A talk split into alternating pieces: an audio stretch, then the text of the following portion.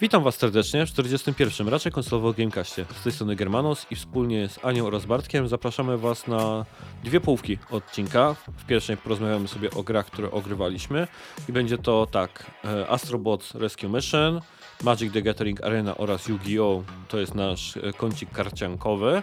Do tego Middle Earth Shadow of Mordor oraz Mirror's Edge Catalyst.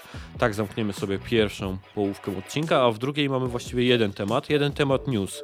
I pewnie nie będzie to zaskoczeniem, albowiem jest to zakup przez Microsoft Activision Blizzard i wszystko co z tym związane, więc to będzie taki nasz prawie godzinny komentarz do wszystkiego co tam się e, wydarzyło. Nie zmieściliśmy zupełnie nic innego, chociaż mieliśmy w planach, no ale naprawdę dużo było powiedziane i, i ma, jesteśmy bardzo ciekawi co wy będziecie mieli do powiedzenia na ten temat.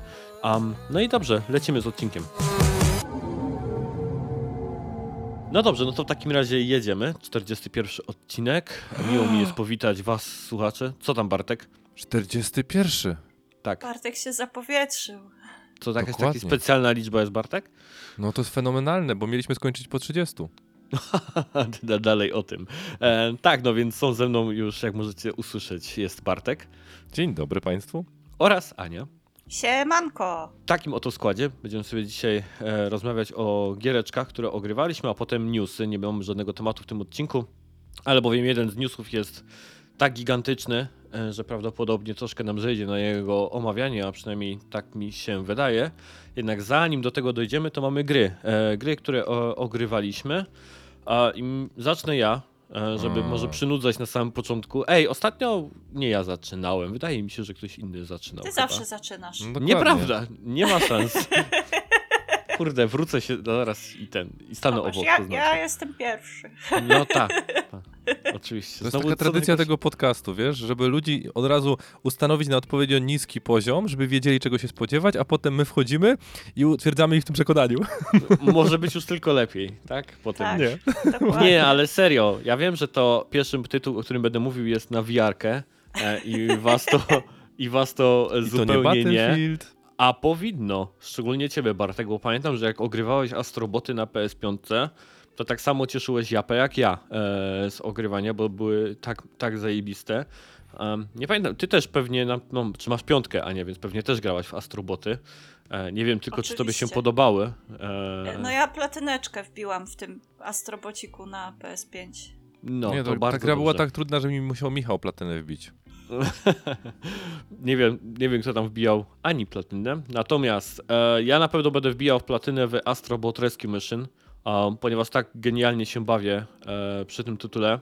E, nawet nie pytam, czy graliście w niego, bo sądząc e, po waszych predyspozycjach do grania w VR, to e, nie ma po co. Natomiast jakbym miał to opisać, tą grę tak w, na, w najkrótszy sposób, to jest po prostu ten Astro z PS5, tylko że w VR. To jest platformówka ze wszystkimi tymi elementami, które dokładnie to jest mieliśmy. ta sama gra? Nie, nie tylko ta sama. VR-ze? Chodzi mi, że jako platformówka. E, nie, nie, są inne levele zupełnie i, Mhm. tak dalej, wszystko jest inne, nie? Ale jako gatunek to jest po prostu pla platformer um, i VR. Rozgrywka wygląda w ten sposób, że Astro sobie biega tam po planszy dookoła nas, a my jesteśmy tak jakby takim bytem gdzieś tam e, w tym świecie, który nie może się ruszać, on po prostu sunie tak jakby razem za Astro przez level.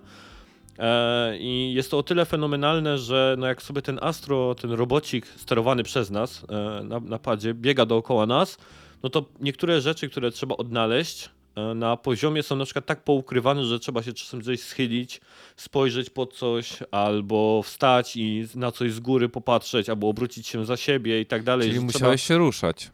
Tak. E, Najgorzej. Czyli gra ci się nie najgorzej. podobała, prawda? Nie, nie podobała mi się. A czy nie trzeba się tak samo ruszać jak przy Until You Fall? Tam to jednak było strasznie dużo ruchu, a to nie służy mi ruch generalnie. Więc. To też e, widać. Państwo tego nie mogą zobaczyć, ale Tomek się nie Jeszcze, rusza. jeszcze nie nagrywamy na kamerze, więc. Jeszcze, Tak, jeszcze Tomka to i żona przywiozła na krześle, bo on tak się nie rusza. Nie zdradzaj sekretów. Um, no, więc straszna frajda jest z, te, z tym związana, że tak naprawdę musimy operować tą kamerą i zaglądać pod te wszystkie miejsca. Fabularnie gra jest bardzo prosta. E, że wygląda to mniej więcej tak, że lecieli sobie przez kosmos te, taki statek z tymi robocikami, zostali trafieni przez jakiegoś gluta, glut, gluta kosmitę i, i statek im się porozwalał, on im wszystkie części porozrzucał po kosmosie i my musimy je pozbierać. Przy okazji na planetach odnaleźć naszych kompanów, naszych koleżków. E, I to właściwie tyle, jeśli chodzi o takie wprowadzenie fabularne. Bardzo proste jak dla platformówkę, co się można było spodziewać. No i teraz z tymi odszukiwaniem tych koleżków jest fajna sprawa, no bo oni sobie gdzieś tam są na levelu i słychać tak gdzieś w słuchawkach, bo też w VR ma się ten, ten gdzieś te 3D audio, że gdzieś tam na przykład pod nami słychać, że on gdzieś tam woła help, help i tak dalej. I, I my się rozglądamy i szukamy go gdzieś tam, nie tylko tą postacią, ale w ogóle próbujemy w tym VR gdzieś go tam odnaleźć. W końcu wyłapujemy, gdzie on jest i idziemy sobie tam tym astrobotem, albo nad nami, czy gdzieś tam się e, słychać ten głosy, więc fajnie się idzie przez te levele i wyszukuje się, gdzie, gdzie one są, te robociki do, em, do uratowania. I jest mega duży fan z tego. E, oni też tam zaimplementowali bardzo dużo takich fajnych mechanik. Na przykład jest e, taka mechanika, która wygląda w ten sposób, że z naszego pada robi się wyrzutnia do linki e, z hakiem. I to wygląda mniej więcej w ten sposób, że mamy na przykład jakiś gdzieś tam punkt e, na mapie z, e, z hakiem, my linką do niego strzelamy i wtedy ten robocik, a, robocik wskakuje na naszą linę, którą trzymamy fizycznie padem i musimy tak nim po prostu sterować po tym poziomie, bujając go na tej linie, więc dużo jest takich fajnych, interaktywnych e, rzeczy tam porobione po to, żeby pokazać trochę możliwości VR-a, pobawić się tą wirtualną rzeczywistością. Em, robimy też spada się tą sikawkę, jeśli chodzi o tam na wodę, albo wyrzutnie shurikenów takich ninja. Jest dużo takich rzeczy porobionych, żeby to jakby jak najbardziej więcej tych interakcji gdzieś tam wrzucić do gry. E, Są też takie fajne momenty, które. To, znaczy, fajne momenty, które trochę mnie przerażały. Jeden z nich wrzuciłem ostatnio na Twittera. Nie wiem, czy tam widzieliście taki krótki filmik, jak pożarł mnie wieloryb, e, grając, e, grając w to. Bardzo fajne uczucie. Generalnie, e, kiedy wypływa się w taki ocean, gdzie dookoła widać tylko i wyłącznie gdzieś tam mm, wodę, i nagle taki ogromny wieloryb przypływa i, dos- i w całości gdzieś tam cię połyka, to w to naprawdę był? robi wrażenie. Słucham? Był Geppetto? Nie, ale pojawiasz się potem w jego brzuchu i masz cały poziom tak jakby w jego tam brzuchu i tak dalej, więc To jak ten prorok, który został zjedzony przez wieloryba. Tak, teraz nie pamiętam jak to tam, dzieciaki moje miały o tym bajkę na dobranoc, gdzieś tam książeczkę. Nie pamiętam jak on się nazywał ten prorok. Co go wielka Bartek ryba. Ci, Bartek ci zaraz powie. No tak, Bartek Znaczy, bym- ja bym strzelał Jonasz, ale wiesz, wolę się upewnić w internecie. Ca całkiem prawdopodobieństwo, że trafiłeś. Um, no więc y, bawię się przy tym przednio, bo jasne, że to jest VR i te wszystkie gdzieś tam funkcje VR-owe są super zrobione, ale to generalnie jest bardzo fajny platformer, taki naprawdę bardzo fajny, e, gdzie steruje się tym astrobotem dokładnie tak samo jak w, ty, w tej wersji gdzieś tam na, na, na PS5. E, nie ma tylko tych oczywiście referencji do wszystkich tytułów e, z historii Sony. Ale to jest E, wcześniejsza gra, prawda, niż wyszło to piątkowe. Tak, tak, ten. Generalnie. Bo, p- no, bo referenc te referencje nie były związane z tym, że to było, wiesz, ta taka anniversary, żeby podkreślić, wiesz, poprzednie, więc to jakby cel był inny, więc może po prostu dlatego tutaj tego nie ma. Tak, no generalnie jeśli chodzi o jakby cykl życia tego wszystkiego, to tak. Astro najpierw pojawił się w czymś takim, co nazywało się The Playroom VR. I to była taka darmówka dodawana do, do, do, do, do, czwórki i do headsetu VR-a. Chociaż nie, na premierę czwórki on też się pojawił tam przy kamerce, nie? Tam było też zabawa z Mhm. nim, nie? Tak, tak, E, tak. Może można było je... tak, tak. I, I na padzie, nie? Można było nimi potrząsać, coś takiego tam było, nie? Tam pamiętam. Mhm. E, no, no, no, to też A kojarzę. to też było w właśnie, że- reklamówce chyba bardziej, nie? Że oni byli w środku, jak potrząsałeś pada, to oni lecieli w lewo i w prawo, nie? Bo żeby Tak. pokazać, że pad ma takie nowe możliwości. Bo pamiętam, że to właśnie e, jeden z elementów kampanii reklamowej nowego pada. A teraz nie pamiętam, bo to chyba przy piątce, ale przy czwórce też to na pewno gdzieś tam. E, pamiętam, że też na premierę czwórki też coś było z Astro. No, ale generalnie jeśli chodzi o The Playroom VR, to tam było tak jakby takie mini demo e, tej gry, w którą ja gram zrobione i ponieważ to osiągnęło tak duży sukces, ludzie się strasznie w te demko zagrywali, no to oni postanowili zrobić z tego pełną grę, pełnoprawną. Jestem na. Tam jest pięć światów, tak jakby do odwiedzenia, pięciu bossów do pokonania. Jestem po trzech. E, walki z bossami też są bardzo ciekawe, fajne mechaniki są zrobione, bossowie są, e, tak bym powiedział, słodko, groźnie zrobieni. W ogóle cała gra jest taka w takim klimacie dosyć kids friendly, bym powiedział, utrzymana. Więc ja generalnie jestem oczarowany i na pewno będę robił platynę, bo się bardzo przyjemnie w to gra. E, Są też wy wyzwania, które się odblokowuje, za to jeżeli przejdziemy gdzieś tam poziom na 100%, to wtedy się wyzwania odblokowują. Wyzwania wyglądają, że jest to albo przebiegnięcie przez tor przeszkód na czas, albo miałem na przykład grę w zbijaka, że pojawiały się piłki i cele gdzieś tam tak ale na strzelnicy i trzeba było gdzieś tam je e, mm, ściągać. Więc takie mini gry to są te wyzwania na czas e, do zrobienia, które też sporo frajdy dają e, z tego wszystkiego. No oczywiście mm, to przez to, że to jest VR, nie? Więc gdzieś tam głównie przez to to tyle, tyle gdzieś tam radochy daje. Ta gra w ogóle strasznie dużo gdzieś tam sukcesów odniosła. Jak ja sobie gdzieś tak szukałem o niej informacji, to nie dość, że zdobyła grę roku, jeśli chodzi o, o gry VR, to tam potem jeszcze dużo nominacji w ogóle jako gra rodzinna, jako platformówka roku i tak dalej, masę tego gdzieś tam podostawała. E, I muzykę też robi ta sama osoba, która robiła muzykę do tego Astros Playroom na PS5. I muzyka jest bardzo podobna. Jak komuś się podobały te, te piosenki o, o, o, o tym, o procesorze piątki, o dysku twardym i tak dalej, i, i te melodie, to muzyka w Astym, w, w Rescue Mission jest bardzo podobna do tego. Um, więc tak, jeżeli macie dostęp do, do headsetu, do, do VR-a, to ja bardzo polecam. To teraz można wy, wyciągnąć za jakieś tam niewiele, nie, nie bardzo duże pieniądze gdzieś tam na Allegro ten tytuł, a daje masę radochy. E, Jest to przewidziane na około 10 godzin, tam chyba 7, 7 do 10 godzin jako rozgrywka i wydaje mi się, że to jest takie wystarczające. Jak na taką platformówkę, to to jest jak najbardziej gdzieś tam wystarczające. Um, no i dobrze, no 12 minut o tym e, pogadałem. Chyba was nie zanudziłem na śmierć. Nie no, co ty? Opowiedz o tym, w jaki sposób budowane były charakterystyka tych postaci, bo nie wspomniałeś nic o fabule. Wspomniałem o fabule. Jak to nie? Przecież o- mówił. No, ale Mówiłem. nie, to było krótkie, to było taki wstęp. A gdzie reszta? Gdzie rozwinięcie? Gdzie zakończenie? No nie, bo tam żadnych plot twistów na razie się nie spotkałem, Bartek, wiesz, tak ten, na razie ten. Nie, w sensie, wiesz, ja, ja mam duży sentyment do tej marki e, od J- Japan Studio, którzy ją, wiesz, tak de facto jak dostanę PS6, to pewnie też dostanę. Teraz Team I- Asobi, nie? Tak, tak, tak, ale wtedy jeszcze Japan Studio, prawda? Mhm. I teraz jak, jak o tym sobie pomyślę, to jak będzie właśnie premiera PS6, to na pewno będzie. I to naj, największy absurd jest, że to jest gra przebadana na różnych grupach docelowych, bo widziałem po prostu, że i dzieci się, mia, dzieci po prostu miały frajdę, tam cztero, czteroletnie, które widziały, że faktycznie łyżwy czuć jak łyżwy.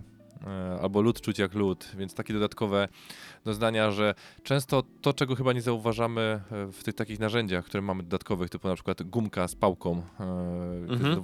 wiesz, to jak, jak się nazywało ładnie? Gumka z pałką? No wie, ten PS Move, nie? Gumka z No pałką. tak. PS Move. tak, tak. No. Że dużo większą frajdę i niezauważalne elementy miałem w grach towarzyszących niż te takie gry, które były stworzone pod tym kątem, nie?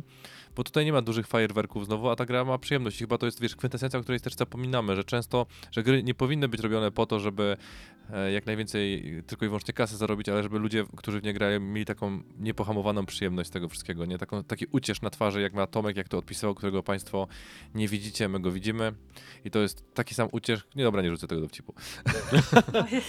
Jeśli ktoś te pierwsze wrażenia moje oglądał na, na YouTubie, to pewnie tam można było wychwycić, jaki mam uciesz e, z grania w to, bo naprawdę banan gdzieś tam pojawia się momentalnie, ogrywając e, Tak, a ten... my, tytuł? my już wiemy, jaką grę następną ograć na VR, bo to jest Resident Evil 7. Nie, Tak, Nie. my chcemy zobaczyć twój Od. Chcemy... razu wiadro sobie podstaw pod nogi. nie, uciekał od tego. Następny już wiem, co będzie i będzie to Squadrons, e, tak jak Gwiezdne Wojny. To wiem, że na pewno będzie następne. E, do, To będziesz e, miał w ogóle dyskotekę wtedy na tym wiarze. No, właśnie jestem bardzo ciekaw tego latania X-Wingiem i TIE Fighterami. Jest super. Ja to ogrywałam, także O, dajesz, dajesz Tomasz. Znaczy się, ja nie ogrywam w wiarze, tylko taką y, wersję dla normalnych ludzi, ale dla śmiertelników. dla śmiertelników, którzy mają chore oczy, Mhm. Więc y, no to sobie potem pogadamy. No, to na pewno pogadamy na, na gdzieś tam e, kolejnym odcinku.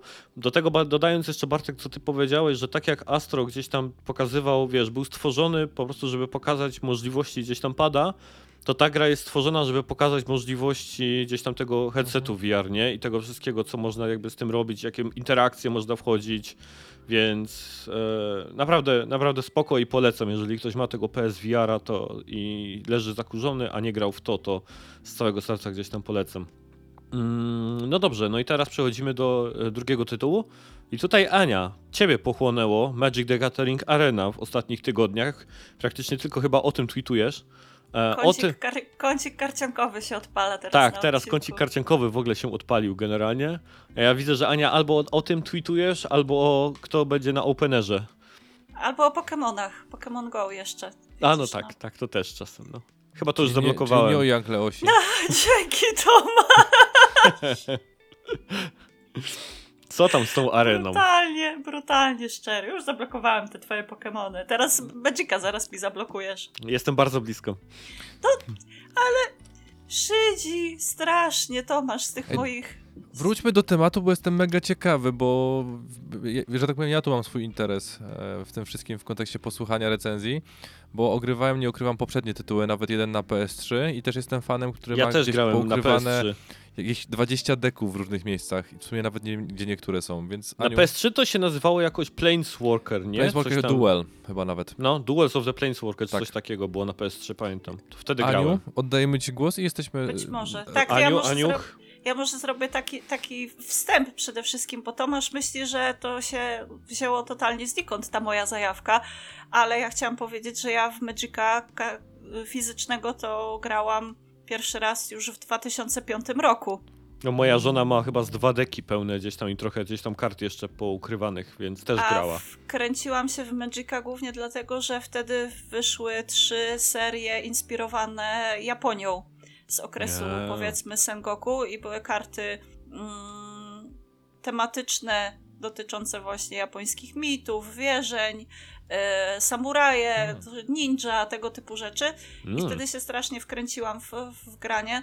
Co prawda grałam na proksach, bo li, licealnych ludzi niekoniecznie stać na to, żeby wydawać miliony monet na Przepraszam. prawdziwe fizyczne karty, tak? E, Na czym grałaś? Na proksach. Proksy, wydruki. Wydrukowane takie karty. ten. Serio, to nie? Ty nigdy nie wiesz? Fuj, Jezus Maria, mamy burżuja. Anka, z kim my gadamy? Fuj, graliście, fuj, w ogóle, ble. No wiesz, Tomasz, biorąc pod uwagę to, że mieszkałam gdzieś tam na wsi, z daleka od jakiegoś większego miasta i dostępu do cywilizacji, no to ogarnianie sobie kart w ten sposób wydawało mi się wtedy jakimś takim najlepszym rozwiązaniem. A to był jakiś taki normalna rzecz, że tak ludzie robili? Kurde. Tak, ale tak często jest, nie? Mhm. Było kiedyś, teraz Czekaj, Może ja, ja ci muszę zadać to pytanie. wygląda, Tomek, jak ty sobie tak? wyobrażasz, jak ty sobie wyobrażasz to, żeby przetestować talię? Co robisz w przypadku gier, które mają randomowe, e, wiesz, wygenerowanie tego wszystkiego, czyli na przykład kupujesz booster paki lub cokolwiek innego. To A, kupujesz te booster paki lub kupujesz e, paki, które mają playdecki, które mają gotowe karty, wyciągasz, łączysz, liczysz na szczęście, wydajesz kupę kasy i Nie, okazujesz się, Nie, nie, no, lubię tej boostery talii? są jak boostery są jak lootboxy, nie? Kupujesz, nie Tak. wiesz co tam będzie. No Tak, tak, ale nie? właśnie to jest idea tak. tego jest, żeby przetestować to wszystko, czy ci to leży, czy dobrze ci się gra i tak dalej. To jest po to, żeby też użyć proxy. Nie wiem. Dobra, jak Ale pogadamy... mówimy, może- mówimy o fizycznych Dobra. rzeczach, nie mówimy o wirtualnych kartach, nie mówimy o fizycznych rzeczach, że to, wiesz, to się sprawdza w przypadku fizycznych rzeczy, nie? I Dobra, w przypadku gdzieś tam- LCG, miałam a nie tam CCG. możliwość, miałam gdzieś tam możliwość sprawdzenia y, pewnych układów kart, które mnie interesowały. Koniec końców Mhm. Doszło do tego, że miałam swojego jednego fizycznego deka y, poskładanego, tak, kolega mi poskładał na podstawie tego, jaki styl gry lubię, jak, jakimi kartami lubię się posługiwać i tak dalej. I miałam takiego bardzo fajnego czarno-zielonego deka, którym który pomimo tego, że był budżetowy, to nawet całkiem nieźle sobie radził, z, jak grałam towarzysko gdzieś tam ze znajomymi. Spoko. No i ten szał magicowy powiedzmy trwał u mnie, nie wiem, do 2007-2008 roku. No i wtedy gdzieś tam naturalnie się to granie przerwało. E, I w zeszłym roku, 2021, gdzieś chyba w okolicach e, wakacji, gruchnęła informacja, że ten blok japoński, ta Kamigawa, wraca. Że będą wypuszczone nowe karty Mhm. związane z Japonią, tym razem osadzone w takim cyberpunkowym świecie. U. Y, to będzie gdzieś tam fabularna kontynuacja wydarzeń, które miały miejsce w tym pierwszym bloku Kamigawa. Przeskakujemy tysiąc lat do przodu i, i patrzymy, jak ten świat wygląda po, po tysiącu lat. Y, i stwierdziłam, że zainwestuję w fizyczne karty, ale premiera jest dopiero 18 lutego, y, więc jeszcze muszę trochę na te fizyczne poczekać. Na Mhm. razie kom- kombinuję i się zastanawiam, w jakimi w ogóle kolorami chcę grać, w, jaki, w jaką stronę pójść i, i, i jaki model grania przyjąć. E, ale przypomniałam sobie w międzyczasie o Magic the Gathering Arena, Mhm. który, mm, w którym można grać online z innymi ludźmi z całego świata, który jest też e, systemem turniejowym, esportowym. Mamy na przykład naszego Polaka, e, który jest, e, nie wiem czy jest teraz, ale był na pewno mistrzem świata gdzieś tam w Magic the Gathering Arena. Mhm. E, Oglądałam sobie nawet jego turnieje i to, te rzeczy, które się gdzieś tam dzieją na tej planszy, to ja w ogóle nie mam pojęcia, co się tam dzieje. Nie? Tam te tokeny wyskakują jeden za drugim, punkty życia nabijają się jedne za drugimi i jest po prostu straszny tak jak- szał na planszy. To jest tak jak obserwowanie turniejowych gdzieś tam e, rund w StarCrafta pewnie, nie? Że tam jest taka po prostu kliknięć na sekundę na ekranie się dzieje, że nie jesteś w stanie nawet chyba ogarnąć, co ten właśnie gościu teraz zrobił. E, No wiesz, jeżeli znasz swoją talię, to wiesz co robisz i pewne rzeczy już wykonujesz mechanicznie. E, Bo ja gdy zaczynałam tydzień czy tam dwa tygodnie temu granie w tego Magica, to dostałam pięć początkowych talii, z, po jednej z każdego koloru i musiałam najpierw przebrnąć przez tutoriale, a potem granie z ludźmi po sieci i wypełniając jakieś tam dzienne zadania, e, dostawałam kolejne deki. Wczoraj Mhm. na przykład wpadło mi pięć nowych talii, e, ale już znalazłam taką jedną, która najbardziej mi pasuje i gdzieś staram się ją samodzielnie przebudowywać, czy też cze- czerpać jakieś inspiracje z internetu, żeby ona nie była taka totalnie basicowa, tylko mm, troszeczkę bardziej rozbudowana i mająca szansę chociażby w tych grach y, w rankedach, nie? Okej, a powiedz mi tam, e, znaczy moje pierwsze pytanie jest takie, czy ty wiesz jaka jest różnica pomiędzy tym Gatheringiem, areną, a online? Bo online też jest, nie? To jest e, też e, Magic the Gathering Online, też e, ta, ta, taka gra. Nie, wiesz co? Nie, nie, nie specjalnie Okej, wchodziłam w... Nie, bo to E, wygląda, wygląda tak jakby oni tą arenę, to jest jakiś ich tam nowy twór, oni jeszcze Tak, bo wspierają Arena te... chyba jest od 2019. Tak, ja pamiętam jakieś 20 fajne reklamy roku. tej areny były, nie? Nawet takie, gdzieś tam chyba nawet na Game Awardsach chyba reklamowana była ta arena. Tak, tak, tak, tak. Z takich ciekawostek to ja sobie znalazłem tutaj, że w tej arenie pojawiają się karty równocześnie z fizycznymi, czyli jak Tak. fizyczne mają premierę, to w arenie one się też pojawiają, tak? Tak, w Znaczy tej nie, nie, nie z fizycznymi, to chodzi o formaty, to akurat ja wiem. Że z tego co pamiętam, po prostu w e, arenie s- każda z tych gier jest ograniczona to, do- do formatów. Jak coś wyrotowuje, to na przykład znika z areny.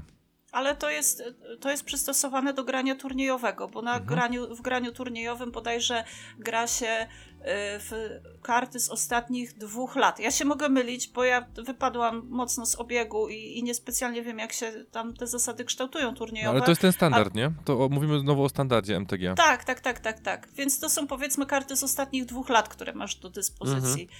I w tej chwili y, karty, które zaraz, znaczy się, nie, że się kończą, tylko y, mija ich okres promocyjny, bo wchodziły bodajże w, w listopadzie czy tam w październiku, związane z wilkołakami i z wampirami. I 18 lutego wchodzą karty związane z Japonią. One pewnie też przez 3-4 miesiące będą, że tak powiem, e, na topie i potem wejdzie kolejny, kolejny deck tematyczny. E, Mhm. Już tam niespecjalnie wchodziłam w szczegóły jaki. Ta Japonia mnie przede wszystkim interesuje, bo mm, te karty są te, które wyciekły do tej pory, wyglądają przepięknie i one są w ogóle inspirowane tym tradycyjnym malarstwem, tym ukiyo-e. Mhm. Mhm. Y, I jestem strasznie zajarana. W ogóle to, to, ile czasu codziennie spędzam w Magicu, gdzieś tam grając rankedy, y, otwierając boosterki i tak dalej, to jest. Musimy, so, musimy sobie Bartek takiego zrobić nie- jakieś takie koszulki, jakie tak ala czy liderki. E, nie. E, dorzucając kilka rzeczy, które udało mi się w międzyczasie odpowiadać na twoje pytanie, bo znalazłem nas na oficjalnej stronie e, MTG. Ogólnie rzecz biorąc, różnica między tymi dwoma jest taka, że online po pierwsze jest płatny, po drugie ma dużo więcej formatów niż te, które są dostępne, a po trzecie on jest odzwierciedleniem tego świata też tradingu, czyli tam nie można posiadać chyba karty, której e, nie posiadasz fizycznie, a w przypadku areny możesz sobie kraftować lub je dostawać, czyli tak jakby wiesz, zupełnie inny cel. Pier- online jest po to, żeby uwirtualizować rzeczywisty sposób grania. Rzeczywistość, Tak, okej. żeby można było grać z ludźmi tak jak kiedyś się wysy- wysyłało e, w ten szachy korespondencyjne, trochę tak to wygląda mniej więcej. A Mhm. arena jest po to, żeby ludzie, którzy tak samo jak w przypadku e, Hearthstone'a, tam po prostu nie ma, tej, nie ma tych możliwości, więc żeby grali tylko z rzeczy, z ty- tymi rzeczami, które wypadają i tak dalej, i tak dalej. Bo można, oczywiście też są mikrotransakcje pewnie, znając życie. Znaczy, Są. I no. to takie, tak rozbudowane, że no... I No dużo właśnie, jest tych rzeczy, Jestem bardzo można ciekaw, sobie... jak wygląda ten system. e, jak oni zarabiają na tej arenie, nie? Skoro jest darmowa. Yy, Wiesz co, bo No, to też boosterach. nie jest tak, tak, boostery, ale to też nie jest tak, że możesz sobie na przykład wykra- wykraftować kartę, jaką tylko chcesz. O, Bo właśnie. żeby, żeby wykraftować kartę, musisz mieć taki pusty token. Taką jakby pustą, pustą, pustą kartę, No, pustą kartę. e, mhm. która ma określony stopień rzadkości. Tam Okej. komony, uncommony, rery, mytiki i tak dalej. E, I te, te puste tokeny wypadają z boosterów. Okej. E, Boostery możesz kupić sobie za monetki, które dostajesz w, w trakcie grania. Y, Wygrywasz, robisz zadania daily, dostajesz tam wirtualną walutę, za którą sobie można te boostery kupić. Czaję, czaję. I no, mi się udało troszeczkę już tych monetek zebrać, także nie wiem ile, ile otworzyłam boosterków, z 20 może do tej pory. Także jest to takie w miarę... Mm, nie ma ich mało. Mhm. Jak grasz codziennie, poświęcasz temu powiedzmy tam 2 czy 3 godziny, chcesz się wkręcić w tę grę, to te boostery faktycznie wypadają. Do tego wypadają przedmioty za wbijanie poziomów, e, nie wiem, jakieś e, okładki na karty, czy warianty kolorystyczne określonych kart, takie kos kosmet kosmetyczne typowo rzeczy, awatarki, e, wirtualne zwierzątka, e, no, Mhm. masa różnych pierdół i te boostery też wypadają za wbijanie kolejnych poziomów. Yy, No bo to było bardzo istotne dla mnie, nie? Czy tam możesz kraftować swoją talię tak do woli, czy jest tutaj jakieś e, odzwierciedlenie tego rzeczywistego, że tam jednak boostery trzeba i tak dalej? wiesz co, ja sobie do tej mojej talii, którą gram, do kraftowałam trzy karty póki co, a mam tych tokenów, nie wiem, na, na mityczne chyba 8, zużyłam Mhm. jedno. Yy, Rerów też mam chyba z 15, zużyłam jednego. Uncommonów i commonów mam około 30, więc tak na dobrą sprawę z tych tokenów mogłabym sobie zbudować e, kompletnie e, nową talię. Ale Mhm. czekam na, czekam na te, te japońskie karty i wtedy najprawdopodobniej będę e, coś tam kombinowała i wtedy ten crafting e, pójdzie e, o, o, o wiele mocniej, nie? Się, się wtedy na nim bardziej skupię. A jesteś w A stanie, na razie sobie... jesteś w stanie walczyć jak równa z równym z, z osobami, które e, płacą za boostery i boostują A to sobie konta? A to chyba nie wiadomo, czy ktoś boostuje, czy nie, Wiesz co? No nie, W bo to tej- wiesz, po prostu widać arenie- czasami, że jak... Nie, w arenie jest ponoć mechanizm matchmakujący, Mhm. którego e, nikt nie wie na jakiej zasadzie on działa. Oczywiście. No tam jest, jest Ale- farma Hindusów, która wiesz, widzi twoje zdjęcie Tak. i mówi right i wiesz, i, te, i cię maczują, jak w Tinderze. I tylko to się E, inaczej nazywa. I kartę pobytu poproszę od razu, nie? No, dokładnie. E, Wiesz co, e, rozegrałam bardzo dużo tych me meczy rankingowych i udało mi się wbić z brąz, srebro, złoto, platynę, czyli ten czwarty poziom i e, to, to y, Boże, uciekło mi teraz słowo. To losowanie przeciwników wydaje mi się całkiem, e, całkiem uczciwe. Nie, nie było takiej sytuacji, że ktoś mnie na przykład dojechał totalnie do zera, tylko e, były równe wymiany ciosów. A ja nie gram e, talią, która jest super uber pro. To jest lekko zmodyfikowana talia początkowa. Więc Mhm. gdzieś tam udało mi się y, drobnymi kroczkami, tu, tu trochę przegrałam, ale jednak udaje mi się wykręcać całkiem dobre wyniki na tej podstawowej talii. I nie spotkałam jeszcze nikogo, kto miałby y, taką totalnie wypasioną talię koszącą z Okej. miejsca. Więc podejrzewam, że to wszystko działa na zasadzie tego, tego dziwnego mechanizmu, który oni ustawili, żeby Mm, mimo wszystko parowało ze sobą graczy, którzy są podobni, jeśli chodzi o talię. może, może wiesz, mają jakiś algorytm, który po prostu skora daje twojej talii i na podstawie tego ten... E, Możliwe, bo wiesz co, znaczy czasem ja- jak oglądam streamy y, ostatnio sobie tak przeglądałam streamy na Twitchu z areny, to tam ludzie, którzy mają wypasione talie, dostają przeciwników z wypasionymi taliami. Mhm. Więc myślę, że gdzieś to się tam wszystko spina, nie? Ze sobą. Co generalnie ma sens, nie? Bo jakby dostawała jakiś przecież jak prze, przekoksów, to byś prawdopodobnie po prostu szybciej odpadła, nie? Bo by ci się po prostu odechciało grać. Odechciałabym się grać, albo zaczęłabym inwestować prawdziwe pieniądze. A no, tego wolałabym uniknąć, choć, A czy ty tak? Oni nie Choć- do końca pewnie. choć ku, kusi mnie kupienie tego mm, Battle Passa.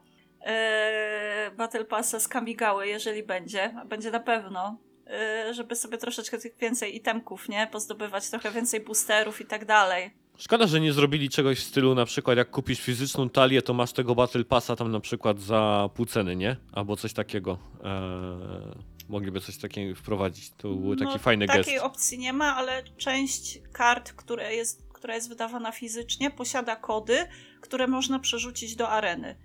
E, Albo- Niewiele, niewiele Mhm. kart, e, niewiele zestawów ma te kody, ale jest coś takiego wprowadzone, że jeżeli kupisz na przykład pre-release'a jakiegoś deka, to potem go możesz sobie wrzucić do areny. Okej. Poza tym e, są też często udostępniane kody e, ze strony Magica i możesz sobie na przykład, nie wiem, trzy boosterki dzięki e, danej kombinacji wylosować, nie? Mhm. Jak, jak ja odpaliłam grę i wpisałam te wszystkie kody, które są udostępnione e, w sieci do zdobywania boosterków, to nie wiem, chyba z 20 czy 30 paczek otworzyłam koniec końców z tych, z tych kodów, nie? Więc gdzieś tam Jasne. ten zasób kart na sam start y, można sobie zwiększyć. Mhm. A są tam takie rzeczy w stylu na przykład, że jak masz dużo powtarzających się kart, to możesz je spalać, dostać jakąś walutę, coś takiego. Nie, nie A wydaje po mi co się, Tomek? Przecież tutaj nie masz takiego czegoś jak, w- jak nie wiem, w Hearthstone'ie, że trzeci duplikat ci jest niepotrzebny, bo i tak go nie wykorzystasz, nie? Tylko możesz nawet do deka sobie wpakować większą ilość kart, więc to No, może ale być masz przydatne. jakąś maksymalną ilość kart w Nie, deku, nie, masz cztery, cztery karty, cztery karty z danego y, dane, danego rodzaju, Rodzaju. mogą być w talii. Poza landami. Tylko cztery. No, poza landami, Mhm. tak, tak. No, no to sobie myślę, że jak masz takich Ja myślałem, że nie to ma, że mogę sobie na, na, nawdupać ile chcę. Mm-mm. To muszę powiedzieć, że raz wygrałem e, talią w trade dupałem się ile chciałem. Takiego. to już wiem, że nie wygrałem Wiadomo, prawidłowo. granie, granie ze znajomymi bez żadnych zasad. Mogę to rzucić? No rzuć, no. No właśnie to jest naj, najgorsze w takich grach jest to, że home rule się nie dają aplikować. Nie zauważyliście, że po prostu chcesz coś wsadzić, on mówi, że nie i koniec. Nie? Ale jest też to o tyle fajne w arenie, że gra ci sugeruje, y, jak masz rzuconą manę, to gra ci sugeruje, którą kartę możesz zagrać. W sensie podświetla ci karty, które y, masz dostępne do rzucenia. Aha, Rzuciłeś, nie sposób. wiem, trzy, rzuciłeś, y, masz trzy many na stole i gra ci podświetla wszystkie karty za trzy many, nie? No to wiesz, Mhm. myślałem, że ci podświetla kartę, którą powinieneś rzucić, bo Nie. przeciwnikowi zadasz wtedy najlepsze obrażenia albo skontrujesz, bo to nie, taka sztuczna tak inteligencja. nie, ale wiesz, Super ale, gra! Ania, ty masz chyba jakieś wallhacka czy coś. Aimbota, aimbota w Maciku. No, pewnie, oczywiście. Tak, rockbota, tak, wiesz? Tak, to, to sobie tam można podświetlać te karty i to też dużo ułatwia. Spoko, fajnie. Um, Ja jestem cała zajarana, to jest po Ja prostu wiem. niesamowite, jak ja się wkręciłam w tego Magica znowu. Byle Mhm. tylko nie wydawać prawdziwych pieniędzy, bo to jest no po prostu jakbyś do kosza na śmieci to wyrzucał. Spalarnia, po prostu spalarnia hajsu. Tak, i Ech. teraz e, przejdziemy tak płynnie do karcianki, którą akurat ogrywa Bartek. A ja właśnie tym płynnym przejściem to właśnie powiem o tym, że ja generalnie grałem kiedyś e, w Yu-Gi-Oh! i graliśmy bardzo dużo na, na gdzieś tam osiedlu, można powiedzieć. Ja miałem akurat deck tego Yugiego e, i tam inni znajomi mieli oczywiście innych postaci, te takie główne tam deki, też boosterów, nakupowałem się w swoim życiu masę. Miałem nawet te takie sliwy, kupiliśmy sobie wszystko tak, żeby te karty wkładać, żeby się nie niszczyły, etc., etc. Gdzieś tam graliśmy na dworze nimi. Dużo czasu spędziłem, e, głównie przez to, że oczywiście oglądałem na niemieckiej telewizji całą, e, całe, całe anime Ju- Ju- Yugiego, e, no, notorycznie i przez to gdzieś tam grałem też w karty. I jak dotarło do mnie, jaką spalarnią kasy to jest, a chyba dotarło to do mnie tak naprawdę w pierwszym momencie, kiedy ktoś e, z naszej paczki po prostu kupił sobie karty na eBayu. na zasadzie takiej, że wiesz, wszyscy graliśmy tak jakby, można powiedzieć, na równych zasadach, a jak ktoś zaczął w to inwestować na eBayu i kupować sobie te karty, które, wiesz, tam jakby um, odstają, czy tam podnoszą rangę jego gdzieś tam Mhm. deku, to wtedy do nas tak dotarło, że okej, dobra, to czyli musielibyśmy teraz zacząć też inwestować. Aha, to tak to działa. No, No, i wtedy, niestety. tak, i w tym momencie po prostu przestawałem grać. Natomiast Bartek, ty ogrywasz grę od Konami, w ogóle wy- wypuszczoną przez, przez Konami. Nie Ja- kręć głową, że nie ja grasz. mam sam wrażenie, że będziemy grasz. gadać dłużej o tej grze, mówiąc o innych grach, które graliśmy, niż mówiąc cokolwiek wartościowego o tej Ja grze. też gram w Yu-Gi-Oh!, ale na Game Boyu. Ta, ale No to kiedyś, a, ja, kiedyś. a ja w ogóle w Yugiego grałem na e, PSX-ie. Tylko, że tam to był Yu-Gi-Oh! On się chyba nazywał Forbidden Memories.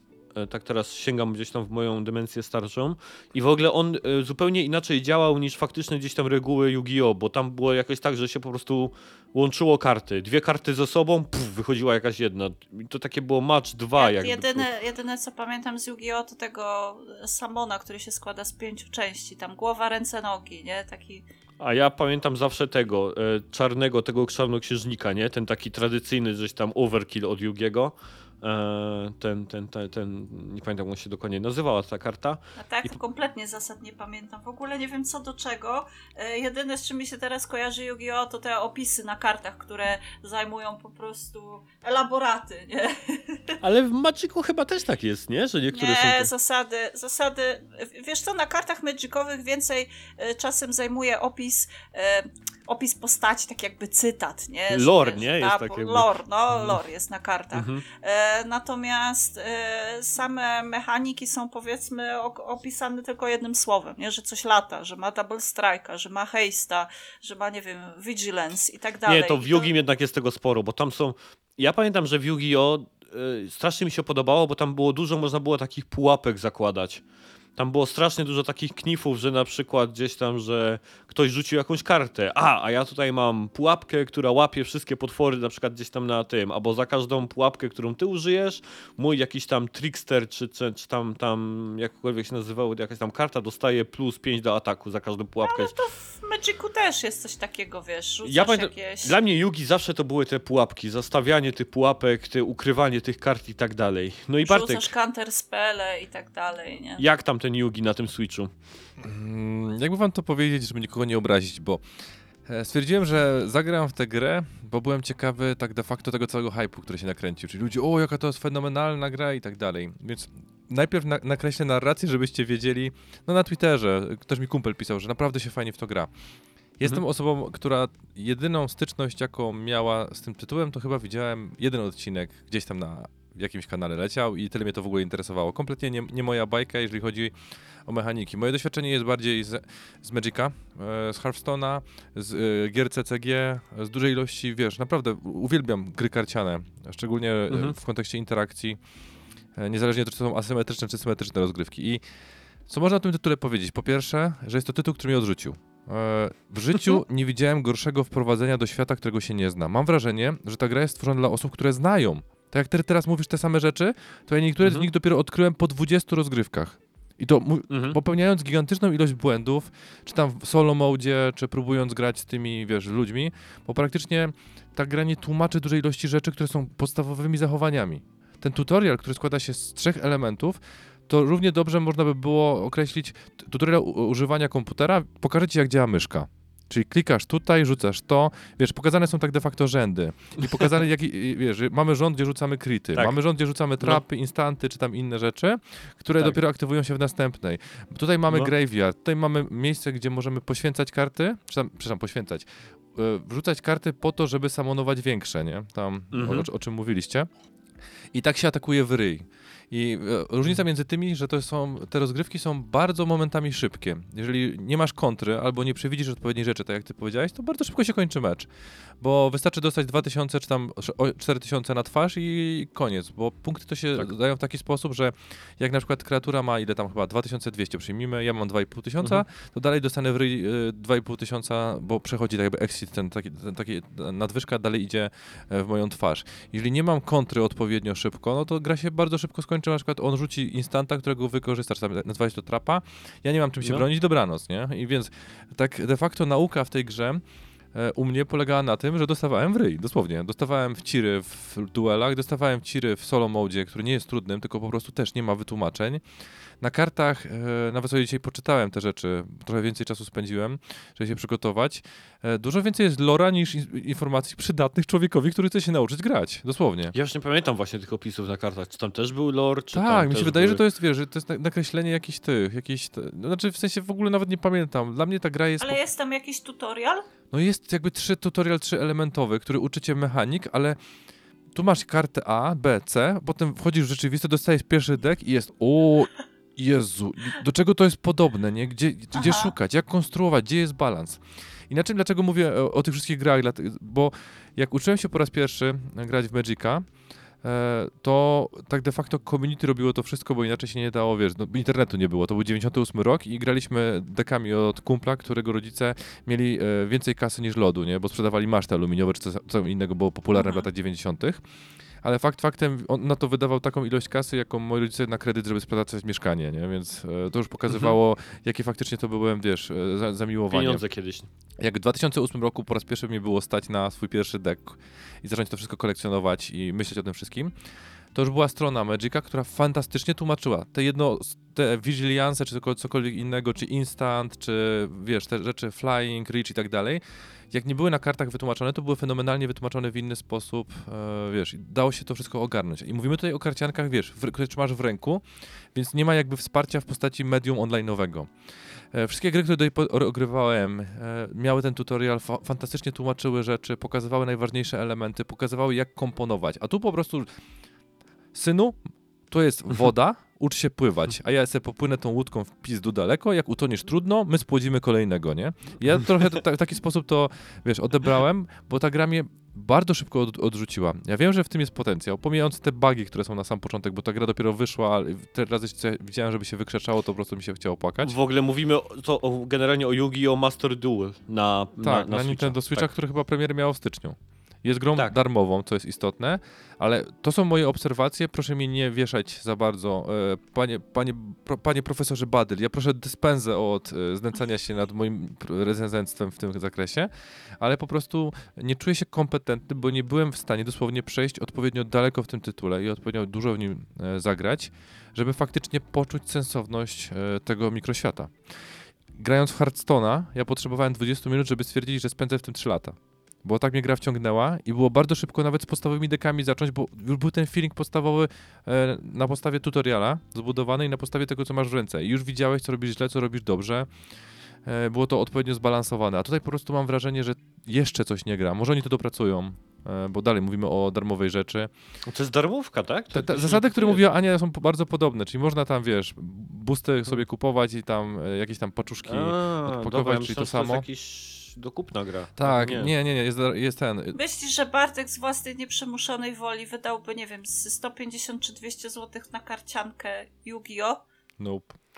No zastanów się, Tomasz. Właśnie, no teraz jak się nad tym zastanowię, to faktycznie to Jak ja to brzmi- zobaczyłam w rozpisce, to sobie myślę, co ten Bartek?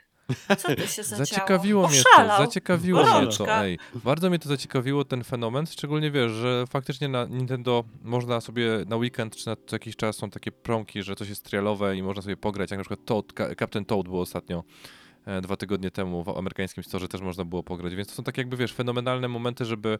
Dlatego też mi brakuje dem, bo demo e, pokazuje, że ktoś jest na tyle pewny swojego tytułu, że wypuszcza jakąś jego fragment, ewentualnie e, ten, ci marinsi, którzy zostali w obcym w- wypuszczeni, którzy byli demem nie pokazującym w ogóle, co się działo, ale to jest inna, inna sytuacja.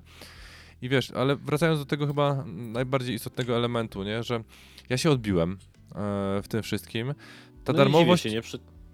Nie dziwię się, nie? Przy takim wprowadzeniu, że się odbiłeś tak naprawdę. No bo to jeżeli jest, jeżeli to jest karcianka tworzona stricte pod fanów i pod osoby, które są zaznajomione z marką i nie daje możliwości łatwego wejścia osobom, które kompletnie nie ogarniają tematu, no to to jest słabe, nie? Mówię No, ci, ja się na czułem Metacritic user score, user score na Metacritic jest 0,8.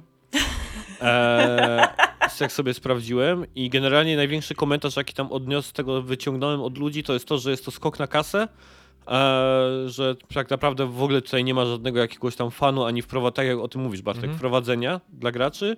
E, w ogóle, że wersja na Switcha podobno jest najgorsza ze wszystkich z powodu bugów. E, nie wiem na co to jeszcze wyszło tak na serio, ale e, na no, odkurzacz. 0,8 jeśli chodzi o user score. Nie, ale wiesz, powiem ci tak, dla mnie jest krzywda o tyle zrobiona jedna taka, że sporo osób może nie pamiętać tego, wiesz, tych czasów co ty, bo nie ma tyle samo lat co ty, więc wiesz, nie pojedziemy 100% na sentymencie, więc oni w ogóle nie adresują nowych osób, które mogą zachęcić do tego świata.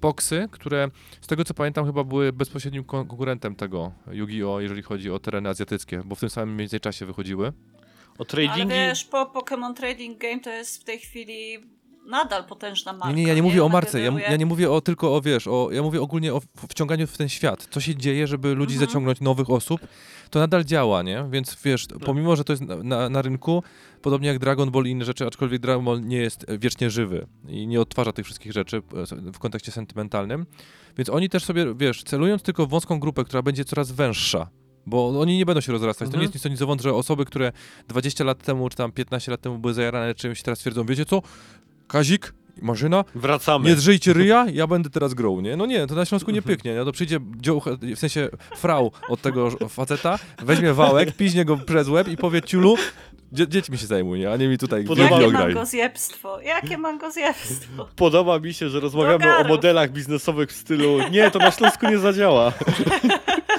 No bo to jak, jak, jak, jak wiesz, jak her Niemiec będzie chciał grać taka gra, to nie pyknie, nie? Przepraszamy ludzi, którzy nie Na gadają... familokach nie ma opcji. Nie ma opcji. Ja to weźmie go za kabzę, tego paciuloka wyciągnie i ty, tela będzie z Nintendo Switcha. Będzie miał Switch we łbie, a nie nie Nintendo, nie? Mi tu. No. Wejdę na wierzch, z Antryja wezmę karty i sobie tak pogram. Ja. Ale wiesz, Ania, zamiast... nie no, Szkoda, że nie widzę zagubionej twarzy. Dlatego to jest, wiesz, to jest krzywda. W sensie to mi się wydaje, że po prostu to jest krzywda dla ludzi, którzy mogliby w to grać, bo naprawdę próg wejścia jest wysoki. Nie, nie, nie jestem w stanie sobie przypomnieć, czy znam karciankę, e, czy LCG, czy CCG, której faktycznie miała tak wysoki próg wejścia, e, żeby cokolwiek robić. Ja nie grałem w karciankę, wiesz, fizycznie e, Yu-Gi-Oh! Nie widziałem jej. Po prostu Mhm. u mnie ludzie się raczej bawili innymi rzeczami, w tym na przykład Magic, Magiciem, bo ich było stać. E, więc wiesz, to, to zupełnie inna sytuacja, więc Albo grali na proksach. Albo grali na proksach, tak. Wiesz, co jest najgorsze? Tomasz, uspokój się. Dla Tomasza jest jeszcze jedna grup, gorsza e, grupa. Ludzie, którzy grają w kroksach na proksach, nie? Więc o, to już, O, o, to tak, dziurawo, nie? Bardzo I w skarpetach jeszcze. Tak, jeszcze E. sandałki do pałki, nie?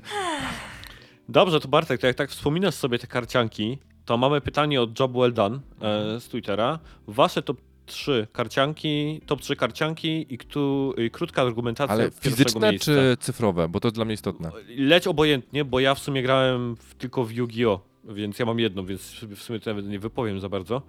E, no, więc e, Bartek, albo nie, bo zniknąłeś z kamery, to Ania. E, Magic tylko i wyłącznie. Ale- Najwspanialsza rzecz na świecie. Dobrze, ale okej, a czemu jest najwspanialsza? Bo prosi o argumentację, kolega. E, Poprosił, myślałam, że e, się produkując przy arenie e, dość jednoznacznie swój entuzjazm wyraziłam. No ale patrz, to ja entuzjazm Powiem twój tak, wziąłbym... zasady, są, zasady No. są bardzo proste. Nie trzeba tam wiele kombinować. Próg jest naprawdę, próg wejścia jest bardzo niski. Mhm. E, z fizycznymi kartami, no troszeczkę bardziej idziesz w tę losowość i nie do końca wiesz, na co trafisz. I e, powiedzmy, że ta cyfrowa wersja jest łatwiejsza, e, mniej kasożerna, Mhm. e, ale można się przy tym doskonale bawić, tak? I nawet jeżeli gdzieś tam grasz ze znajomymi, nie stosujesz żadnych zasad turniejowych, to wciąż ma sens i, i, i wciąż jest to fajna rozgrywka. Ja naprawdę przy tym Magicu spędziłam swój ostatni rok w liceum, pierwsze dwa lata studiów i y, te walki, przekomarzanie się i nie wiem, granie chociażby w trybie tych dwugłowych gigantów, czy, czy, czy tego typu rzeczy, to są chyba jedne z moich najmilszych wspomnień, jeśli chodzi o karcianki. Fajnie. No, rozumiem jak I najbardziej. grałam też, grałam też kiedyś w Pokémony. Też grałam Mhm. na proksach, w, w Poksy, e, ale była też taka demówka dodana dawno temu do jakiejś gazety do Playa chyba. Było coś. Była dodana na płycie właśnie karcianka Pokémon i tam Było. można sobie było A nie do rozegrać. klika? No właśnie nie pamiętam. Do, do której z tych dwóch gazet? Albo do klika, albo do Playa. No, no, były no, no, dodane, kojarzę były coś. dodane po- Pokemonki Tak. i, i wtedy pamiętam, też się mocno, mocno tym tematem zaczęłam interesować, ale e, karty Pokémon były totalnie nieosiągalne wtedy dla Mhm. mnie. No, to tak też się patrzyło się na to, bo one były dużo wcześniej na rynku naszym niż Yu-Gi-Oh! Em, jak Yu-Gi-Oh! to już powiedzmy gdzieś tam trochę tych pieniędzy się miało więcej, przynajmniej to gdzieś tam w moim przypadku, ale jak pamiętam Pokémony wchodziły na nasz rynek, to to było po prostu zupełnie nieosiągalne, e, pamiętam wtedy. Em, no dobra, no to mamy u Ciebie Magic na pierwszym miejscu, Poksy potem, a trzecie miejsce, coś tam grałaś jeszcze, czy już nic nie grałaś? W Hearthstone'a, no gram w to, w to Yu-Gi-Oh! dawno temu na, gdzieś tam na Game Boyu, ale niewiele z tego pamiętam, Mhm. e, więc się niespecjalnie mogę wypowiedzieć. I Gram trochę w Hearthstone'a, ale nie potrafię grać w Hearthstone'a. Tak samo jak w Gwinta nie potrafię grać. Nie idą mi te gry kompletnie, nie jestem w stanie ich O, zrozumieć Gwint. i się ich nauczyć. Właśnie, Gwinta, patrz, a ja powiedziałem, że nie grałem w No żadnego. chciałem ci to wypowiedzieć, ale dopiero za chwilę, wyp- wypomnieć, przepraszam. A mam te wszystkie kolekcjonerskie DLC kupione z tymi kartami. E, wszystkimi. No. No i widać teraz, na co się zdało kupowanie, jak nie pamiętasz o tym, że to masz. Tak, tak, tak.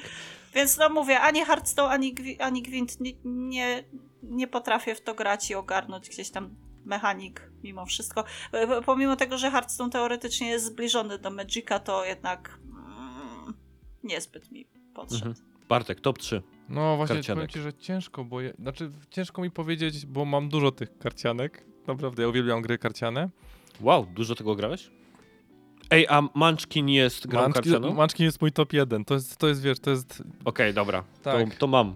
No. Grałeś kiedyś Munchkina czymś innym niż kartami?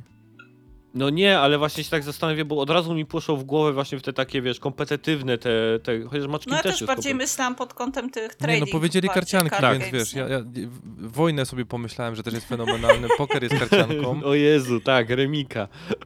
Top, top 3, Remik, Wart Nie, tak wiesz, e, zastanowiłem wojna. się, w które gry najwięcej przegrałem, nie? Czyli fizyczne gry, bo sobie, wiesz, oszukam znowu system i podzielę to na fizyczne i niefizyczne. Ogólnie rzecz biorąc, jeżeli chodzi o fizyczne, to najwięcej czasu spędziłem właśnie grając w Munchkina.